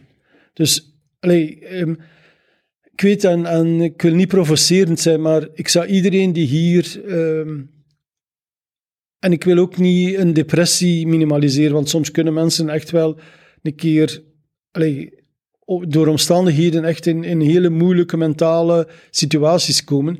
Maar ik zou toch 60% van de jeugd die nu tussen 18 en 21, die thuis goed hebben en toch mentale problemen hebben, zou ik echt wel graag eens een week meenemen naar Ghana. Hmm. Uh, om ze gewoon eens een weekje te laten meelopen. En ik denk dat er al een stuk van hun problemen opgelost Ik zei dat ik soms een beetje provocerend tegen mijn vrienden met puberende kinderen. Ik zal ze eens meenemen. Twee weken, het zou wel over zijn. En dat is ook zo. Ik bedoel, dat heeft zo'n impact. Um, en ik ben ook blij dat, dat uh, Afrika in mijn leven is gekomen. Ik was er professioneel een paar keer geweest al, uh, in Kenia, Zuid-Afrika, voor bloemen te kopen, Marokko. Um, maar dat was dan altijd professioneel gerelateerd aan korte verblijven. Um, maar ik, ik zit daar nu in het leven en ik vind dat wel... ja, dat is voor mij wel heel belangrijk om de waarde wat ik hier heb te waarderen. Um, als de, ik, de vanzelfsprekendheid van, ja, ja, van die ja, waarde. Ja, nu het leven wat wij hier hebben van... En, en mensen gaan zeggen, uh, maar gewoon aan de sub eten hebben. Allee, ook al moeten we veel werken, is ons leven overboekt van eh, werken of druk zijn of hobby's of de combinatie van allemaal die zaken en, en verantwoordelijkheden rond kinderen. Dus ik wil allemaal niet minimaliseren. Maar als je dan daar komt, ja, dan denk je van wauw. ehm, we hebben echt wel, we hebben allemaal de lotto gewonnen. Ik wil heel even eh, switchen. Er was eh, een, een uur later, ik dacht, eh, als we niks hebben om over te praten, kan ik misschien, of geen duidelijke We zijn wel insteek. een uur bezig. We zijn al een uur Ja. bezig. Ziet u nu hoe snel dat de tijd... Ik neem mijn opmerking terug Want van bij de inleiding. De luisteraar of kijker weet het niet, want we waren nog aan het opnemen. Of we waren nog niet aan het opnemen, maar u was van de mening, of bent van de mening, Mhm. dat lange podcast babbels... maar een uur mag duren. En, en dat podcasts snel nogal lang kunnen duren. ja. En ik denk dan altijd eh, zo, ja, totdat je erin zit en eh, je ineens ziet van... En ik ineens merk, eigenlijk de enige vraag die ik tot nog toe heb gesteld is, eh, hoe gaat het met u? En, je, en je een uur later... Ja, oké. En de Ik ga mij nu aan, de, aan u vragen. Kort en en dat, is, dat, is, helemaal prima. Ja. Ik vind, het is altijd een leukere ervaring om het zo te hebben dan, dan andersom. Wat ik wel, dus er was een gemeenschappelijke vriend voor u kennis, voor mij denk ik, die zei, je moet gewoon, moet gewoon met Rudy praten, dat is een interessante mens. Ehm, en ik heb dan, ik zag het denk ik op uw Twitter, nee, op uw Instagram, eh, de quote staan, eh, of, of de, de, in uw biografie, feel like Howard Rourke. En eh, dat is sowieso iets wat, wat mijn aandacht trekt, of, of trok toen. Ehm, en ja, ik wil dat gewoon misschien open stellen, die vraag stellen. Ehm, wat is daar, was daar de intentie, het gedachteproces achter? Waarom die zin in uw biografie? Waarom die persoon? Wat, wat betekent dat? Ja. Misschien voor de luisteraar die Roark niet kent, eh, dat is eh, de hoofdrol, eh, heeft de hoofdrol in The Fountainhead van Ayn Rand. Ayn Rand was een Russische die naar, in de jaren 50 naar Amerika gegaan is. Heeft daar twee ehm, bestsellers geschreven, eh, waaronder The Fountainhead. En de hoofdrolspeler in The Fountainhead is Roark. Ehm, zij was eh, een beetje neoliberaal. Eh, Th- Thatcher en Reagan waren fan van haar. Ik moet zeggen, alle liberalen kennen die. Ik kende die niet. Tot eh, 15 jaar geleden, ik van een van mijn goede vrienden ehm, tijdens een etentje, die zat te vertellen dat we een beetje over boeken aan het uitwisselen waren. En die zei van, maar ken je Ayn Rand? En ik zeg, nee, maar luister, dat kan niet, dat jij dat niet kent. Zeg maar, nee, ik zeg, het zegt me niks. Dus een dag nadien kreeg ik de twee boeken, Atlas Shrek en Fountainhead van, van hem, een boodschap in. Dus ik ben dan aan de Fountainhead begonnen. Ik denk de eerste keer in mijn leven dat ik aan een boek begon van 700 bladzijden. Maar het is een, voor mij het beste boek wat ik, eh, naast een klein leven, maar dat is dan een ander verhaal. Het beste boek, denk ik, dat ik ooit... ehm, of nee, niet het beste boek. Er zijn wel literair mooiere boeken, maar het is het boek dat het meeste impact op mij heeft gehad, ik ga het zo zeggen. Ehm, waarom? Omdat Roark... ehm, ik zag zoveel gelijkenissen met Roark, eh, met mijn eigen leven, dat ik dacht van... Ik bedoel, iedereen vanuit je eigen leven en kom de dingen tegen dat je denkt, goh, dat, is, dat overkomt alleen mij. Die, allee, weg of... eh, De, ja, dat is, goh, dat is zo moeilijk en... en eh, allee, los van de, ehm, de succesverhalen die ik vertel, heb ik ook wel wat miserie gehad, gelukkig, want anders was ik helemaal arrogant geworden. Als had je wel die auto van 2 miljoen of zo. Eh, misschien, ja, maar nee, dat ik toch niet... Of die privéjet. Nee, Hm, nee. toch nee, niet. Nee. Maar, ehm, nee, maar ehm, misschien eh, om mezelf toch nog even te kaderen. Ik, maar ik vind van mezelf dat ik een hele gemakkelijke mens ben. Hm. En mijn medewerkers zeggen altijd, ja, het is vooral belangrijk dat je dat zelf vindt, want wij, oh, niet tegenstaande dan de, dat ik er had dat die 18 en 20 jaar voor mij gewerkt hebben, dus het moet niet onleefbaar geweest zijn. Maar ik ben iemand de- die, als ik, ik weet wat ik wil en dan moet dat gebeuren. En, en dat is niet altijd handig om dan, dan naast u te hebben. En ik ben dan iemand, het is niet linksom, het is rechtsom, maar ik, ik, dat zal gebeuren. Dat, dat moet gewoon... Ik heb dan zo'n drive en is sterker dan mezelf, kan dat ook niet... Ik heb er ook al met mensen over gesproken, en, maar dat, die zeggen ook, je moet je eigen niet proberen veranderen. Je zei wie dat je zei. En, maar soms botst het tegen muren. Ik ben bijvoorbeeld iemand die... ehm, mijn specialiteit, maar nu, nu klink ik heel onbescheiden, maar ik bedoel het niet zo.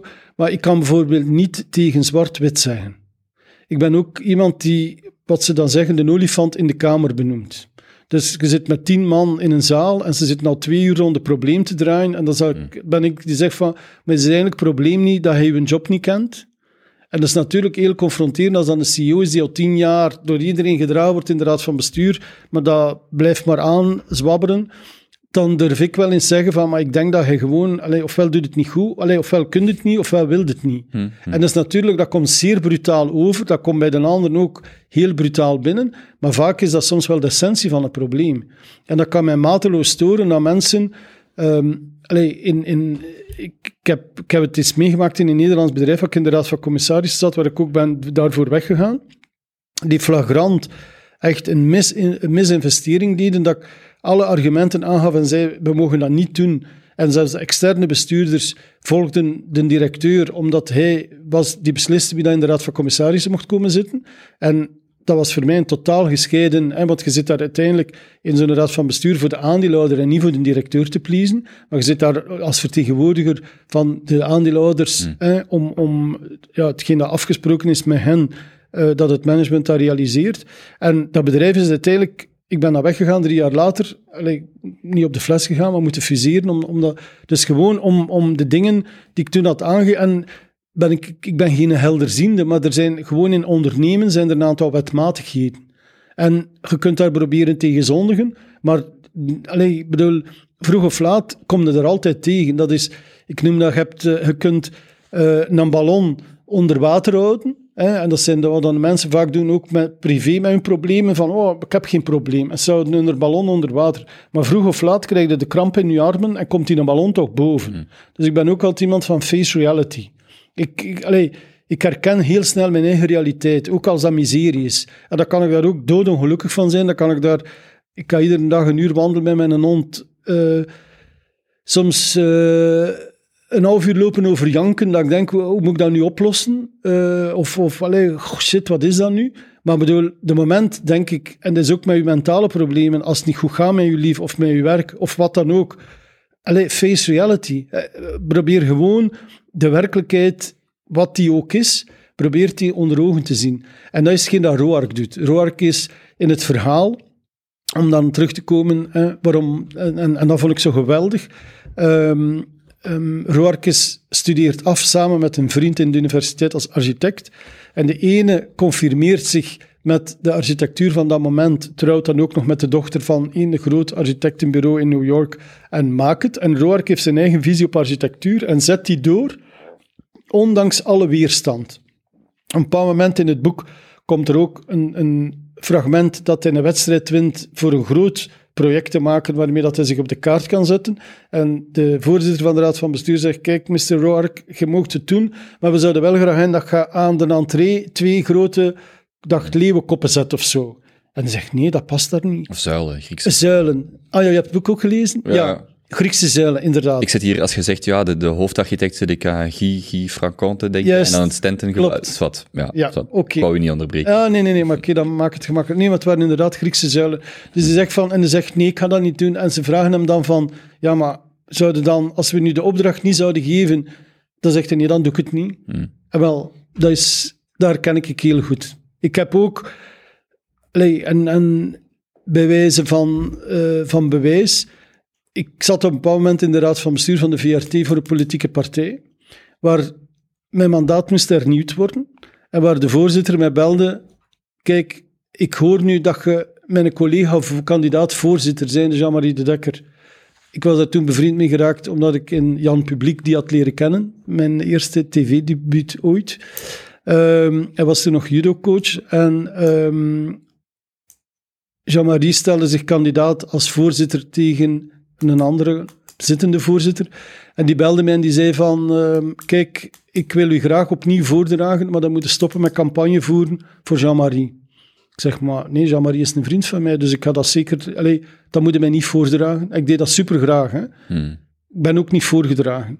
En daarin geloof ik ook in, in eh, karma, eh, zonder dat allemaal te veel willen eh, benoemen. En, en, ehm, maar ik geloof ook in gerechtigheid. Gerechtigheid geschiet altijd. En vijf jaar later had Jean-Marie eh 7% in het Vlaams parlement en één mandaat in de raad van bestuur van de VRT. En dan zei Rudy, jij mocht daar terug gaan zitten voor mij. Ik bedoel, snapte? En, en dat is ook roark.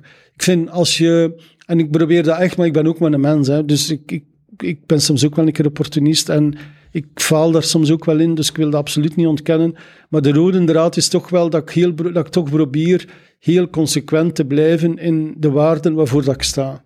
En ik kan toch met enige trots zeggen, ik word nu 60, er is geen enkele plek, waar dan ook in de wereld, dat ik niet, kan, niet mag binnengaan, waarvan dat ik denk, oei, die zou hier misschien ook kunnen komen. En daar moet ik nog een rekening mee verheffenen. Omgekeerd gaan er veel buiten, waar dat ik binnenkom. Maar die ik nog altijd recht in de ogen kan kijken, maar zij mij niet. En dat vind ik misschien nog veel belangrijker dan rijkdom. Want eigenlijk vind ik het feit dat je kunt... En, en ik zeg, ik, ben, ik faal daar ook in. Hè. Ik, ik, heb ook, maar ik, dat is dat mijn ouder worden. Ik ben ook niet beroerd om dat aan recht te zetten. Om te zeggen, ik heb me vergist, kijk, ik, we gaan dat goed maken. Of we gaan dat uitpraten, of ik ga dat, ik ga dat regelen, eh, dat je geen verlies hebt. Maar ik kan niet tegen... Ik heb nu zo ja, terug iets meegemaakt met, met iemand die over-opportunistisch is. En, en ik heb zoiets van, het is goed, je hebt dit gepikt van mij, maar je betaalt dat wel terug. Is niet aan mij, het is aan iemand anders.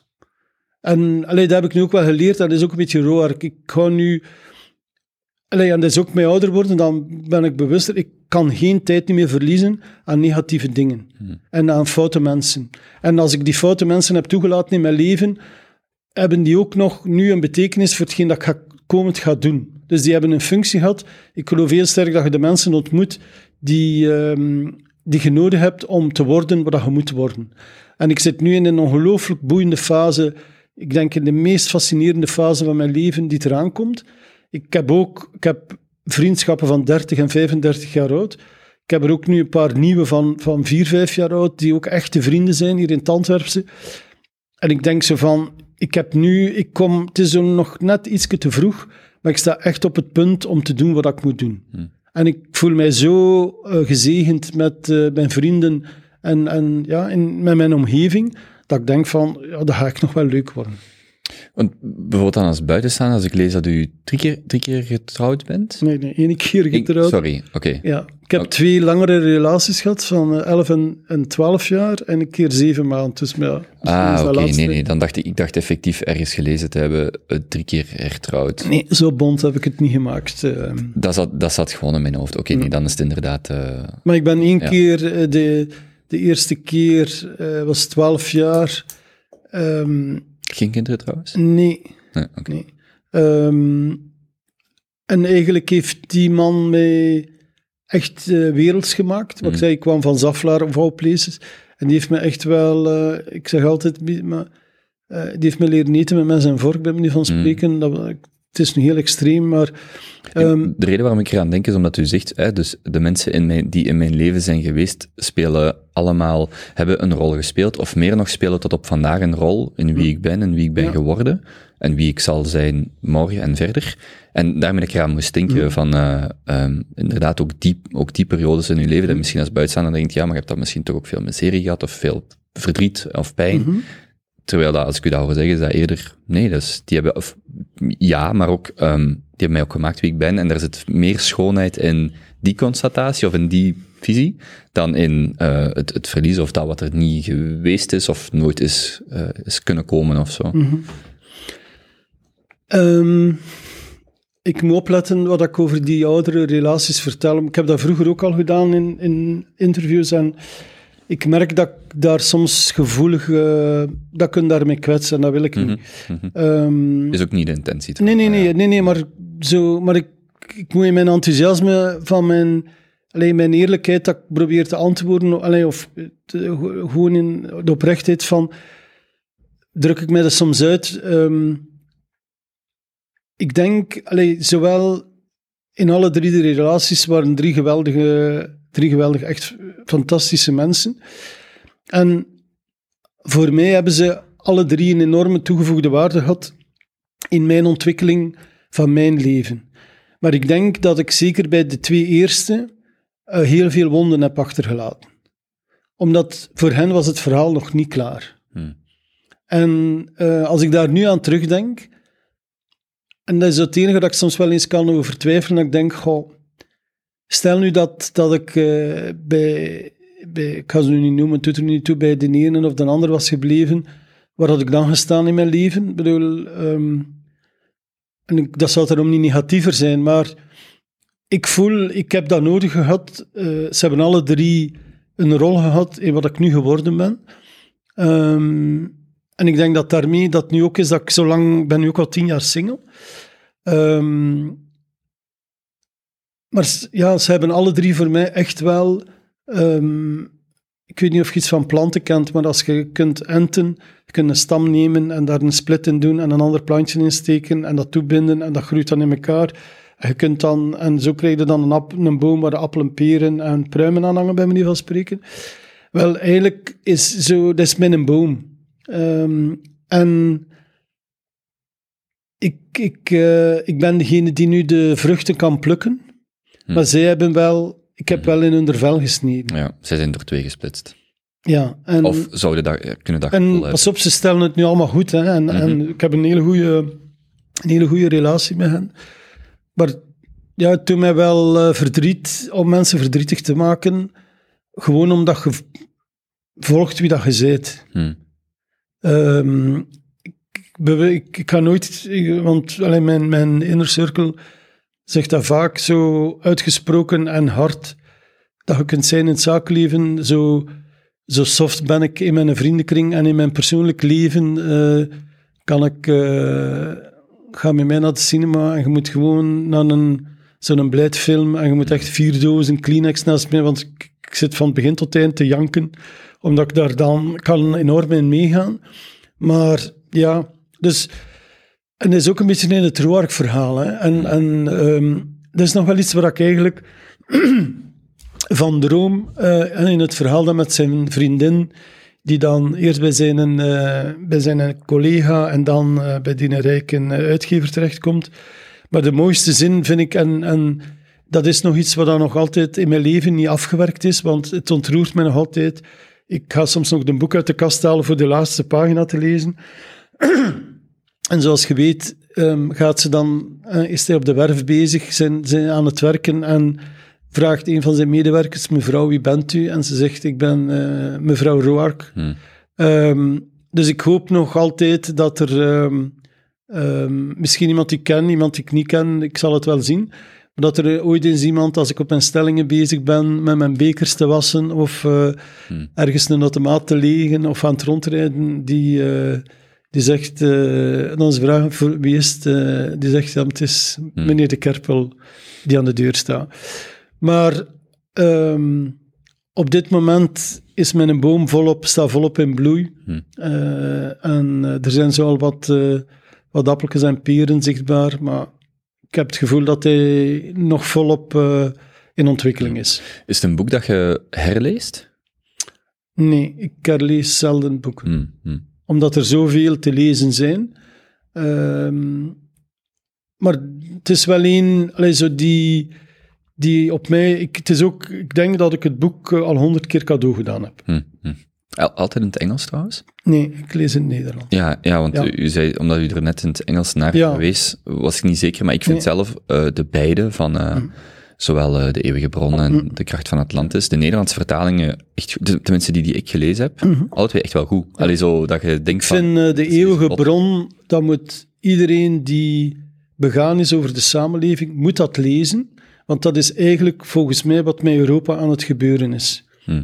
En herinnert u, eh, hoe is eh, John, hoe noemt hij nu weer? John Galt? Galt, ja. Ehm, ehm, dat, is, dat verhaal is zich nu in Europa, naar mijn gevoel, de, het conflict eh, tussen gemeenschappen en, en, ehm, en groepen, dat is volgens mij wat zich nu in Europa aan het afspelen is, wat daar perfect beschreven staat. Moet er maar eens over nadenken. Ja, ik, ik- was ook net aan het denken of u dan het meeste identificeert met eh, Henk eh, Reardon, denk ik dat de protagonist is in eh Atlas Shrugged, de, de, de staal Mhm. mm, Magnaat. Magnaat. Mhm. Ja, dat, allee, dat, daar was ik net aan aan het denken. Omdat ik ook, ehm, het moeilijke natuurlijk met zo complexe boeken of boeken met uitgebreide eh, verhaallijnen, is dat je er ook, je kunt je herkennen in personages. Bijvoorbeeld voor mij is dat veel meer eh, Dominique, waar ik mij bij de eeuwige, als ik dat lees, ik zou dat nu, ik ga dat herlezen, maar van, vooral vanuit haar. Ik herken mij persoonlijk veel meer in haar dan in, eh, dan in Rourke. Allee, van- als ik het mij, als je het mij nu zo zou vragen, is dat de persoon waar ik mij denk ik het meest in herken. En evengoed ook eh, in, in eh, dus ik was aan het denken, wie Ik zou dat dan... dat wel in in, Ik zie dat wel in ja. ja, maar er zit zo, er zit in, in, in, mijn, in mijn ervaring, hè, mijn lezing daarvan, zit er in Dominique een, een, een, een combinatie van iets heel sterks, maar ook heel fragiel. Wat bijvoorbeeld Mhm. zo'n Howard totaal niet heeft, maar ook een heel, ja, iets puurs, iets, ehm bijvoorbeeld er is die scène waar dat zij dan ehm te, te, te, te model staat Mhm. voor, eh, voor het beeld. Beeld, ja. En gewoon de, ja, ik vind zo de totaliteit van de scène met dan ook de beeldhouwer. En als ik zo heel die dynamieken zie, dan denk ik, ja, voor mij is dat echt heel duidelijk. Zo de persoon waarmee ik identificeer is, eh, is Dominique. En Atlas Shrugged, maar dat is vier of vijf jaar geleden dat ik het gelezen, geleden dat ik het gelezen heb. Eh, is dat lang geleden, maar als ik het mij zo herinner, denk ik ook veel meer aan de, de hoofdrol, de vrouw in het, in het verhaal. Ik kan me alleen haar, eh, haar naam niet meteen Ah, herinneren. de, zus, de zus van eh, de spoorweg. ja. Eh, ja, Ja, de namen zijn mij ook... Ja, ik ben, maar daar Het is te lang geleden, maar Hank Reardon. het is de broer en de zus en de zus is dan... En de zus is dus de, de, de, degene die zo... Maar de- ik vond bij de eeuwige bron vond ik het opvallender dat het meer, meer aansloot. Maar de, allee, om maar te zeggen, je hebt zo in een boek zoveel personages, ook ehm, misschien scènes. Het is niet dat je in een persoon, in, in een persoon of een personage herkent, maar dat je in een scène herkent. En bij zo de... De, bij bij eh, Rourke had je ook, tenminste voor mij, zo'n heel groot gevoel van die draagt zoveel op zijn schouders, maar die gaat er heel los mee om. Die gaat er heel... eh, dat je bijvoorbeeld bij een Reardon veel minder, die ook, naar mijn lezing, het gevoel heeft van ik draag het gewicht van de wereld op mijn schouders, maar die daar eigenlijk... Rourke stond daar als persoon veel positief... Die, die, die nam dat met een glimlach veel meer, denk ik. En Reardon in mijn lezing was veel meer... Ook met een glimlach, maar oef, zwaarder of zo. En bij Rourke, want zo begint eh, de eeuwige bron ook, hè, en Howard Rourke lachte. Dat is, dan, dat is dan de openingszin. En dat is echt zo, ja, ja, wat er ook gebeurt. Het feit dat je dan de, droom, de vrouw van je dromen of zo jarenlang met anderen ziet. Allee, of, ik weet niet of hij Maar- dat zo... zij, hij was voor haar ook de man van haar dromen, maar Hmm. zij heeft, een ander, zij heeft nog wat tussenwegen nodig gehad om bij hem te komen. Ja, ik- ik- ja. Ik vind het ook wel gewoon heel mooi geschreven. Allee, het zijn zo van die boeken, zo moet je er door kunnen lezen. Maar ik vind ze ook... Ja, ja. Ja. Maar ik hou van uitgesproken mensen. Dan zijn die wel ideaal. Ja. Die personages. Ik ook in mijn leven. Ik, ik heb Mm. mijn vrienden, zijn mijn vrienden, omdat ze ook dingen durven zeggen waarvan mensen zeggen, "Ah, durf je dat zeggen? Hm. Of, eh, allee, ik maak weinig mee en omgekeerd naar mijn vrienden toe zijn we ook redelijk direct dat we zeggen van, je bent nu met de foute dingen bezig of je bent je toch bewust wat je aan het doen bent, je doe maar, maar je bent toch bewust wat de impact daarvan kan zijn. Mm. En dat vind ik wel leuk. En ik vind dat een vorm van graag zien. Ik, ik vind, ik kom zo heel veel, eh, alleen, maar ik zie soms vriendschappen zo, die in alle oppervlakkigheid gebeuren. Ehm, en dat vind ik wel tof aan mijn vrienden. Allee, wij zijn echt vrienden voor elkaar. En we durven ook al eens, allee, het spreekwoord zegt, je hebt geen glans zonder wrijving. Ehm, zeggen van, iedereen zit in evoluties en fases in zijn leven en waarin dat je je hart lucht, wat dat dan ook is. En wij, durven heel direct zijn met elkaar, maar we, zijn, we, we vangen elkaar, we zijn er ook wel voor elkaar. Want ik vind het is gemakkelijk om, om Mhm. Kon niet brutaal, maar gewoon om je gedachten te zeggen. Dat allee, maar dat is altijd vanuit een bezorgdheid en door het feit dat, dat, dat we dat van elkaar aanvoelen, dat dat is omdat we willen er elkaar doorsleuren, allee, heeft dat ongelooflijk veel impact. En, en dat vind ik, en Roark is, is daarin, heeft een uitgesproken keuze en, en weet wat hij wil. En hij neemt wel de, de zaken mee die hij in zijn, in zijn evolutie, want er zit daar ook wel de- een evolutie in, in, in het figuur, maar hij blijft wel focus houden op, wat hij wilt worden en wat hij wilt eh, realiseren. En dat vind ik, ja, dat, Ja, wat je zegt, zoals ik zeg, het gaat niet over de mening enerzijds of de brutaliteit waarmee, maar het gaat om de waarden en normen die daarachter zitten. En die, die zijn consistent en die zijn niet, die gaan in alle richtingen. Die gaan niet gewoon in, jij doet hier iets fout of ik vind dat jij dat anders moet doen, maar die gaan ook in, ja, maar dan ben ik er ook voor u om je op te vangen of hoe dan ook. En dat heb je, tenminste in die boeken toch extreem, dat je heel duidelijk, dat mensen, personages duidelijk waarden en normen hebben en dat mag heel hard botsen, maar dat, is wel, dat zijn wel uw waarden en normen en daar valt je op terug. eh, in, in goede en in slechte dagen. Want eh, dat was zo... In mijn derde relatie dan, als je het dan toch met een track record... eh, dat was de kortste, tien maand, maar dat was met een PS'er. En al mijn vrienden zeiden van... "Ah, Allee, Rudy, met een socialist. En dan nog een Waalse socialist. Ik, Mm. ik zit meer aan de centrumrechtse kant, VLD, N-VA. Lijster Dekker vroeger zo een beetje eh, het gezond verstand, wat wij dan zelf vonden. Ik zal er maar bij zijn. Ik bedoel, je kunt- mocht het daar gerust mee oneens zijn. Maar dat vind ik zo... En, en soms denk ik, ehm houdt dat mensen van mij weg, omdat ze mij niet kennen. En ze zeggen, ja, dat is zo'n... eh, een NVA of een VLD, ja, een, liber, een Vlaamse liberaal die de onafhankelijkheid van Vlaanderen wil. Wat kunnen we... en, en ik merk dan als ik in dialoog ga, zijn dat vaak heel fijne gesprekken. Hmm. En ehm, dat vond ik wel heel fascinerend met Olivier, dat... ehm, ik vond dat ongelooflijk tof. Om, ik vind, als je gekoppeld kunt zijn met uw tegenpool, want we zoeken altijd, denk ik, de, de gemakkelijkste weg van onze gelijken. Maar ik vind dat zo saai. Uw mijn vriendenkring is ook is totaal met andere dingen bezig of ik doe. Ik, vind dat ongelooflijk boeiend. Dat zijn ook eh, totaal andere karakters. Ehm, maar die zijn ook allemaal met fantastische dingen bezig. En ja, ik vind dat ook in een relatie wel belangrijk. Je moet... Je Maar, mocht, maar die heeft maar tien maanden geduurd, maar dat had niet te maken met dat deel. Want- nee, want nee. als dat dan nee. de brugklijn zou zijn, Ik heb dan een tijd gedacht, maar achteraf Mhm. eh, zijn we samen tot de conclusie gekomen dat eigenlijk heel andere redenen waren. Maar ehm, Maar je kunt heel verschillende meningen hebben met dezelfde waarden en normen. Mhm. Je kunt perfect zeggen, wij vinden dit alle twee belangrijk, en toch daar een heel andere... Maar als je deelt, als je ziet wat de andere bedoelt of daarachter zit, dan, dan maakt dat in principe toch niet zoveel uit waar je uiteindelijk stelt. nee, maar je hebt ehm, helaas een aantal mensen zo die, die in een hokje denken. En als dat niet die... Ik vind het heel boeiend om, om met een communist te praten. Ik vind dat heel uitdagend. En ik denk zo van... Ik wil, ik wil proberen begrijpen waarom dat jij communist bent. En er zijn ook een aantal dingen dat ik ook vanzelfsprekend vind, waar dat er geen communist moet voor zijn. Mhm. Ik vind als gemeenschap zorgen voor degenen die het, mensen die, die het niet kunnen, daar moet je goed voor zorgen. Maar we zijn geëvolueerd als je zegt van, zitten er misschien toch een paar bij die de kantjes aflopen? Ja, dan zijn die ene keer eh, alleen een kapitalist of, of... Terwijl dat je dat uit bezorgdheid zegt om dat systeem in stand te houden. Snap je? En Mhm. ja, Is, is het dan wel goed om op Twitter, Instagram, social media te koer te zitten? nee, Want dat is toch... zeker niet Twitter. Hmm, ja, Nee. Maar het is sterker dan mezelf. guilty pleasure dan? Het is, ik moet dat gewoon doen. Hmm, Ik heb eh, mijn twee Antwerpse wie? vrienden als ze luisteren voor mijn eigen. Dat is sterker dan mezelf. hmm. Ik kan niet...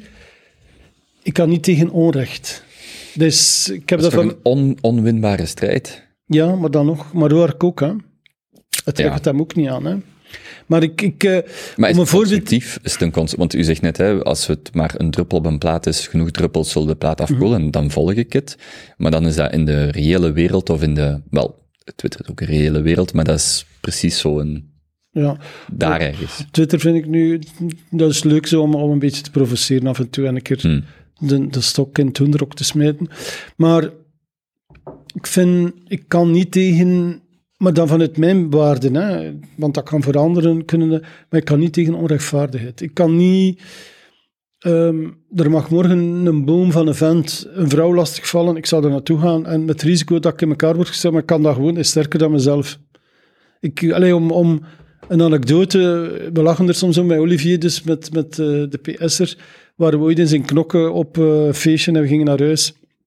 En er stonden zo 12, 14 jonge gasten en we passeerden, maar zelfs niet hand in hand, maar gewoon hadden niet precies door dat wij een koppel waren. En er roept een een cel PD. En Olivier had dan een zwarte gordel karate. Hmm. Dus die kent wel iets van gevechtssport. Ik heb eh, nog nooit eh een een tik gegeven, laat staan dat ik eh, gevechtssport gedaan heb. En ik ben er naar teruggegaan. Ik heb gezegd, pardon, wat is, hadden jullie, wat jullie iets zeggen? Hij was toen ook razend kwaad. Dus voor hetzelfde geld waren we weer in elkaar geslaan. 12 tegen 2, dat ging, mocht ik nog... Maar dat, ik moet dat gewoon doen. En die verschieten dan vaak. Allee, dat heb ik ook, maar dat is soms, je moet opletten, dat is een gevaarlijk spel.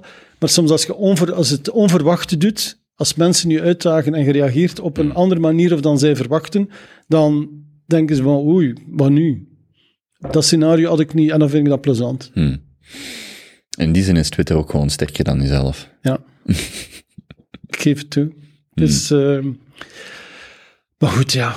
Het is, eh, als je de rode draad er ook kunt uithalen, kun je ook wel... Ik vind nu... Ik, ik ben voor de absolute vrijheid. Hè, maar eh, over, om het nu over iets actueel te hebben, wanneer men het ook beluistert, zal zich wel herinneren hè, dat Hoeibergs nu veroordeeld is. Ehm, ik had dan zoiets van, iedereen staat nu op de barricade voor het vrije woord. Oké. Maar dan denk ik van, stel nu dat een imam dat had gezegd. Hm. Zouden we dan ook zeggen, hij heeft het recht? Ik vind dat nog die een imam dat recht in, nog Jeff Hoeibergs. Onder, of het dan geloofs, vrijheid van geloof of vrijheid van eh, weet ik wat. Ik bedoel, dat past niet. Een beschaafde samenleving gaan zo niet met elkaar om. Moet hij dat voor acht maanden krijgen, dat is weer wat anders. Maar ik vind dat we het wel principieel moeten veroordelen. Hm.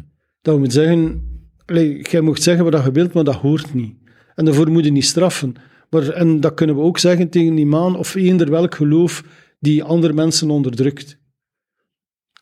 En dat vind ik dat wel leuk aan Twitter, om soms is het, het omgekeerde, dat heb ik nu vanmorgen gedropt, het is zalig om de reacties te zien, want dan krijg ik zo DM's van Vlaams georiënteerde, eh, ik zeg, wat schrijf je nu? Dat is toch niet vergelijkbaar? Ik zeg, leg me dan het verschil uit. Hm. Is dan een verschil of een imam een vrouw beledigt of chef Hoeibergs? Allee, die vrouw blijft wel beledigd. Uit wiens mond dat komt, is ondergeschikt. Het gaat over hetgeen dat verteld wordt en de boodschap, allee, wat vervat zit in de boodschap, het, het disrespect ten opzichte van een andere persoon en dan nog allee, een ander eh, geslacht. En ik wil dan gewoon mensen eens meehelpen om mensen daar te laten over nadenken, om toch de dingen soms iets te nuanceren. Denk je dan ook aan boeken schrijven, andere dingen, andere manieren om... Ah, je zei het er net van, hè, de boek, maar dat ging dan over het, Ja. eerder het bedrijfstechnische, neem ik aan. Maar zit daar dan zit daar nog iets in wat je Nee. wilt doen? Nee. ja, iedereen droomt om de roman van het leven te schrijven, maar ach, dat ga ik aan anderen laten. Hmm. Je moet ook weten wat je... Ik lees graag mooie verhalen, maar laat ze maar door anderen schrijven. Maar je leest wel graag. Of, Ja, ik heb nu wel een beetje te weinig... Maar ik vind, voor lezen moet je rust hebben. Ik heb nu geen rust in mijn hoofd. Ik ben zodanig nu met Hans het Goodles verhaal bezig. Ehm, en allee, dat is zeer heftig. Maar het is heel leuk, maar ik heb momenteel geen ruimte in mijn hoofd voor te genieten van een boek. Hm. Het is niet als je in Zwitserland zit dat je even langs Davos rijdt, Thomas Mann meepakt en daar ergens op een berg gaat zitten lezen. Nee, Dat is geen tijd voor. voorlopig niet, nee. Nog niet. Nee, maar dat, ik sluit nooit iets uit. Z- Zijn er behalve eh, De Eeuwige Bron andere boeken die u op die manier of in, in het verlengde daarvan liggen geraakt hebben of, of bijblijven? Een klein leven, hè, ik heb het verteld. daar. Ja. Dat vind ik een geweldig mooi boek. Eh, Oh. Van? Goh, het is zo'n eh, Japanse naam. Een klein leven. Ja, ik Hmm. kan het, je- ze, is, ehm, ze werkt voor de New York Times. Doet ze de moderubriek of zo. Hmm. En ze heeft daar blijkbaar... eh, hoe dat je zoiets kunt eh, bijklussen, dat vind ik totaal onbegrijpelijk. Kent u het boek? Ik weet niet of Nee, nee, nee. Ik ken het van Dus het titel. gaat het nooit eigenlijk-. Het gaat over vier vrienden die afstuderen en ehm, waarvan een advocaat die gehandicapt is, een eh, fotomodel, een interieurarchitect en de vierde ontgaat mij nu even wat dat hij deed. En eh, dus die studeren af en het eerste honderd bladzijden van het boek vind ik verschrikkelijk lastig, omdat ze van die vier personages zo heel, ze er nogal uitgebreid in, in allee, beschrijvend. En zo de eerste honderd bladzijden had ik zoiets van, oh, waar gaat dat nu over? Nu, ik had het boek gekregen, ik had het cadeau gekregen van een vriendin voor nieuwjaar die heel veel leest. En die zei, net zoals eh, dat Kerouac had, ehm, Ayn Rand had gekregen van een vriend, die zei, oh, je moet dat lezen, het is zo'n geweldig boek, gaat, je gaat dat geweldig vinden. Dus ik had ze dat meegenomen op vakantie. Eh, maar ik was daar beginnen lezen en ik dacht, oh, Mieke, jong, wat heb jij mij niet meegegeven? Ik, ik snap echt niet waarom dat, ik- waarom dat... Ik had dan nog een ander boek mee, ik had dat dan... Maar dat was dan op twee dagen uit. Dus ik dacht van, oké, ik zal dan toch nog maar een keer een poging doen. En toen ben ik in het verhaal gekomen. Echt, Kobe, het is zo mooi. Het, ehm, maar je moet echt door die honderd bladzijden worstelen. Maar ik zeg altijd, het is een verschrikkelijk mooi boek. En ieder woord heeft zijn betekenis. Het, er zitten verschrikkelijke... eh, dus je hebt vier lijnen. Eigenlijk, dus, maar het is gefocust op drie. Op die eh, architect, op die... eh, dat is de hoofd, die advocaat die gehandicapt is. Die blijkt dan mishandeld geweest te zijn. En die een acteur die ehm, bevriend is, die heel close is met die advocaat. En die een ontgaan me niet wat hij doet. Ben even, het is nu even uit mijn gedachten. Allee, die, die speelt zo... Die, die komt af en toe een keer in, in het boek terug, maar die speelt niet echt een belangrijke rol daarin. Ehm, maar het, ja, het gaat echt over ehm, onvoorwaardelijke liefde in al zijn aspecten. En het is zo mooi geschreven. Hmm. Ehm, Ook de Nederlandse in het. Nederlands vertaald, echt met een... Maar het zitten ook echt scènes in ehm, die zeer hard zijn. Dus ehm, ik had het cadeau gedaan aan een vriend, maar ik wist dat zijn vrouw in haar jeugd ook wat problemen had gehad. Ik had gezegd, let op, moet er toch mee rekenen. Het kan misschien oude wonden eh, teruglopen. Dus het gaat ook over, mis- over eh, Hmm. Kindermisbruik in zijn jeugd in, in, eh, in een eh weeshuis. Ik ga er niet meer over vertellen, maar ik wil wel de mensen, mocht je zo'n eh, achtergrond hebben, toch waarschuwen om dan er voorbereid aan te beginnen. Hmm. Want het is verschrikkelijk. eh, allee, het, het is, het is ongelooflijk opgebouwd hoe dat je mee in dat verhaal wordt getrokken. En dan krijg je eigenlijk de confrontatie van iemand die totaal verwoest is.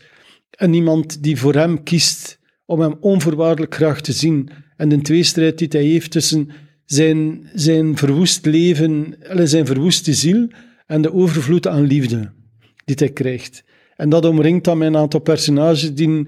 Dat is eigenlijk... Maar het is, oh, het is zo een mooi boek over onvoorwaardelijke liefde. Je, je zou het zo onmiddellijk verliezen. Allee, Hmm? ik, ja, ik, ik vond het... Ik, ik heb het toen... Want ik was dan beginnen lezen, maar mijn vakantie was dan op. En ik ben dan twee weken later, heb ik naar die vrienden gebeld. Ik mocht... Ik zat toen in een huis van vrienden in Spanje. Ik zeg, mag ik niet het weekend teruggaan? Hij zei, oh, waarom? Heb je iets laten liggen? Ik zeg, nee, maar ik moet nog 200 bladzijden doen. Hmm. En ik wil dat gewoon niet... Dat gaat me thuis niet lukken. Ik wil op mijn gemak kunnen zijn. Ehm, ik wil gewoon weg kunnen zijn, want ik voel ehm, ja, dat ik dat gewoon zo moet doen. Ik weet, het nu klinkt echt vrij verwaand, maar ik ben dan te- Wel dat ik terug naar Spanje vlieg voor een boek uit te lezen, maar... En ik heb dat toen zitten lezen aan het zwembad en er kwam iemand bij mij en die zei, meneer, wat zijn je aan het lezen? Ik zit nu al nu naar u te kijken.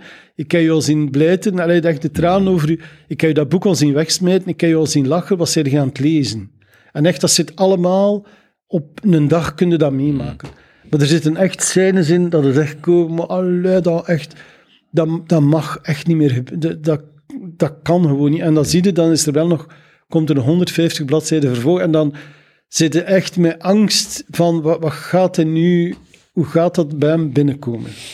En echt, het boek ehm, krijgt een wissel met ene zin. Echt, ja, keer het 180 graden om. Maar meer ga ik er niet over vertellen. Maar het is... Als je het gelezen hebt, moet je maar een keer een cijfer Hmm, ja, ik... eh, Maar ik denk dat je zult, als je het leest, je kunt niet anders. Het is op dat moment kantel het verhaal terug. Het zitten zo echt een paar adembenemende momenten in. Maar hoe dat je zo de liefde, de onvoorwaardelijke liefde, maar ook de pijn van een verleden, dat één persoon zo die karakters inhoudelijk kan beschrijven.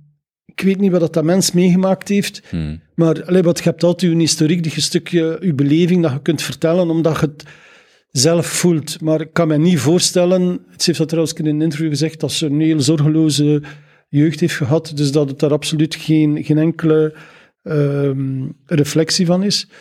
Maar het, ja, echt, kijk, als ik eraan denk, ik krijg terug kippenvel. Het is zo'n mooi boek. Zo zit je snel aan twee uur, hè? Of een uur 45.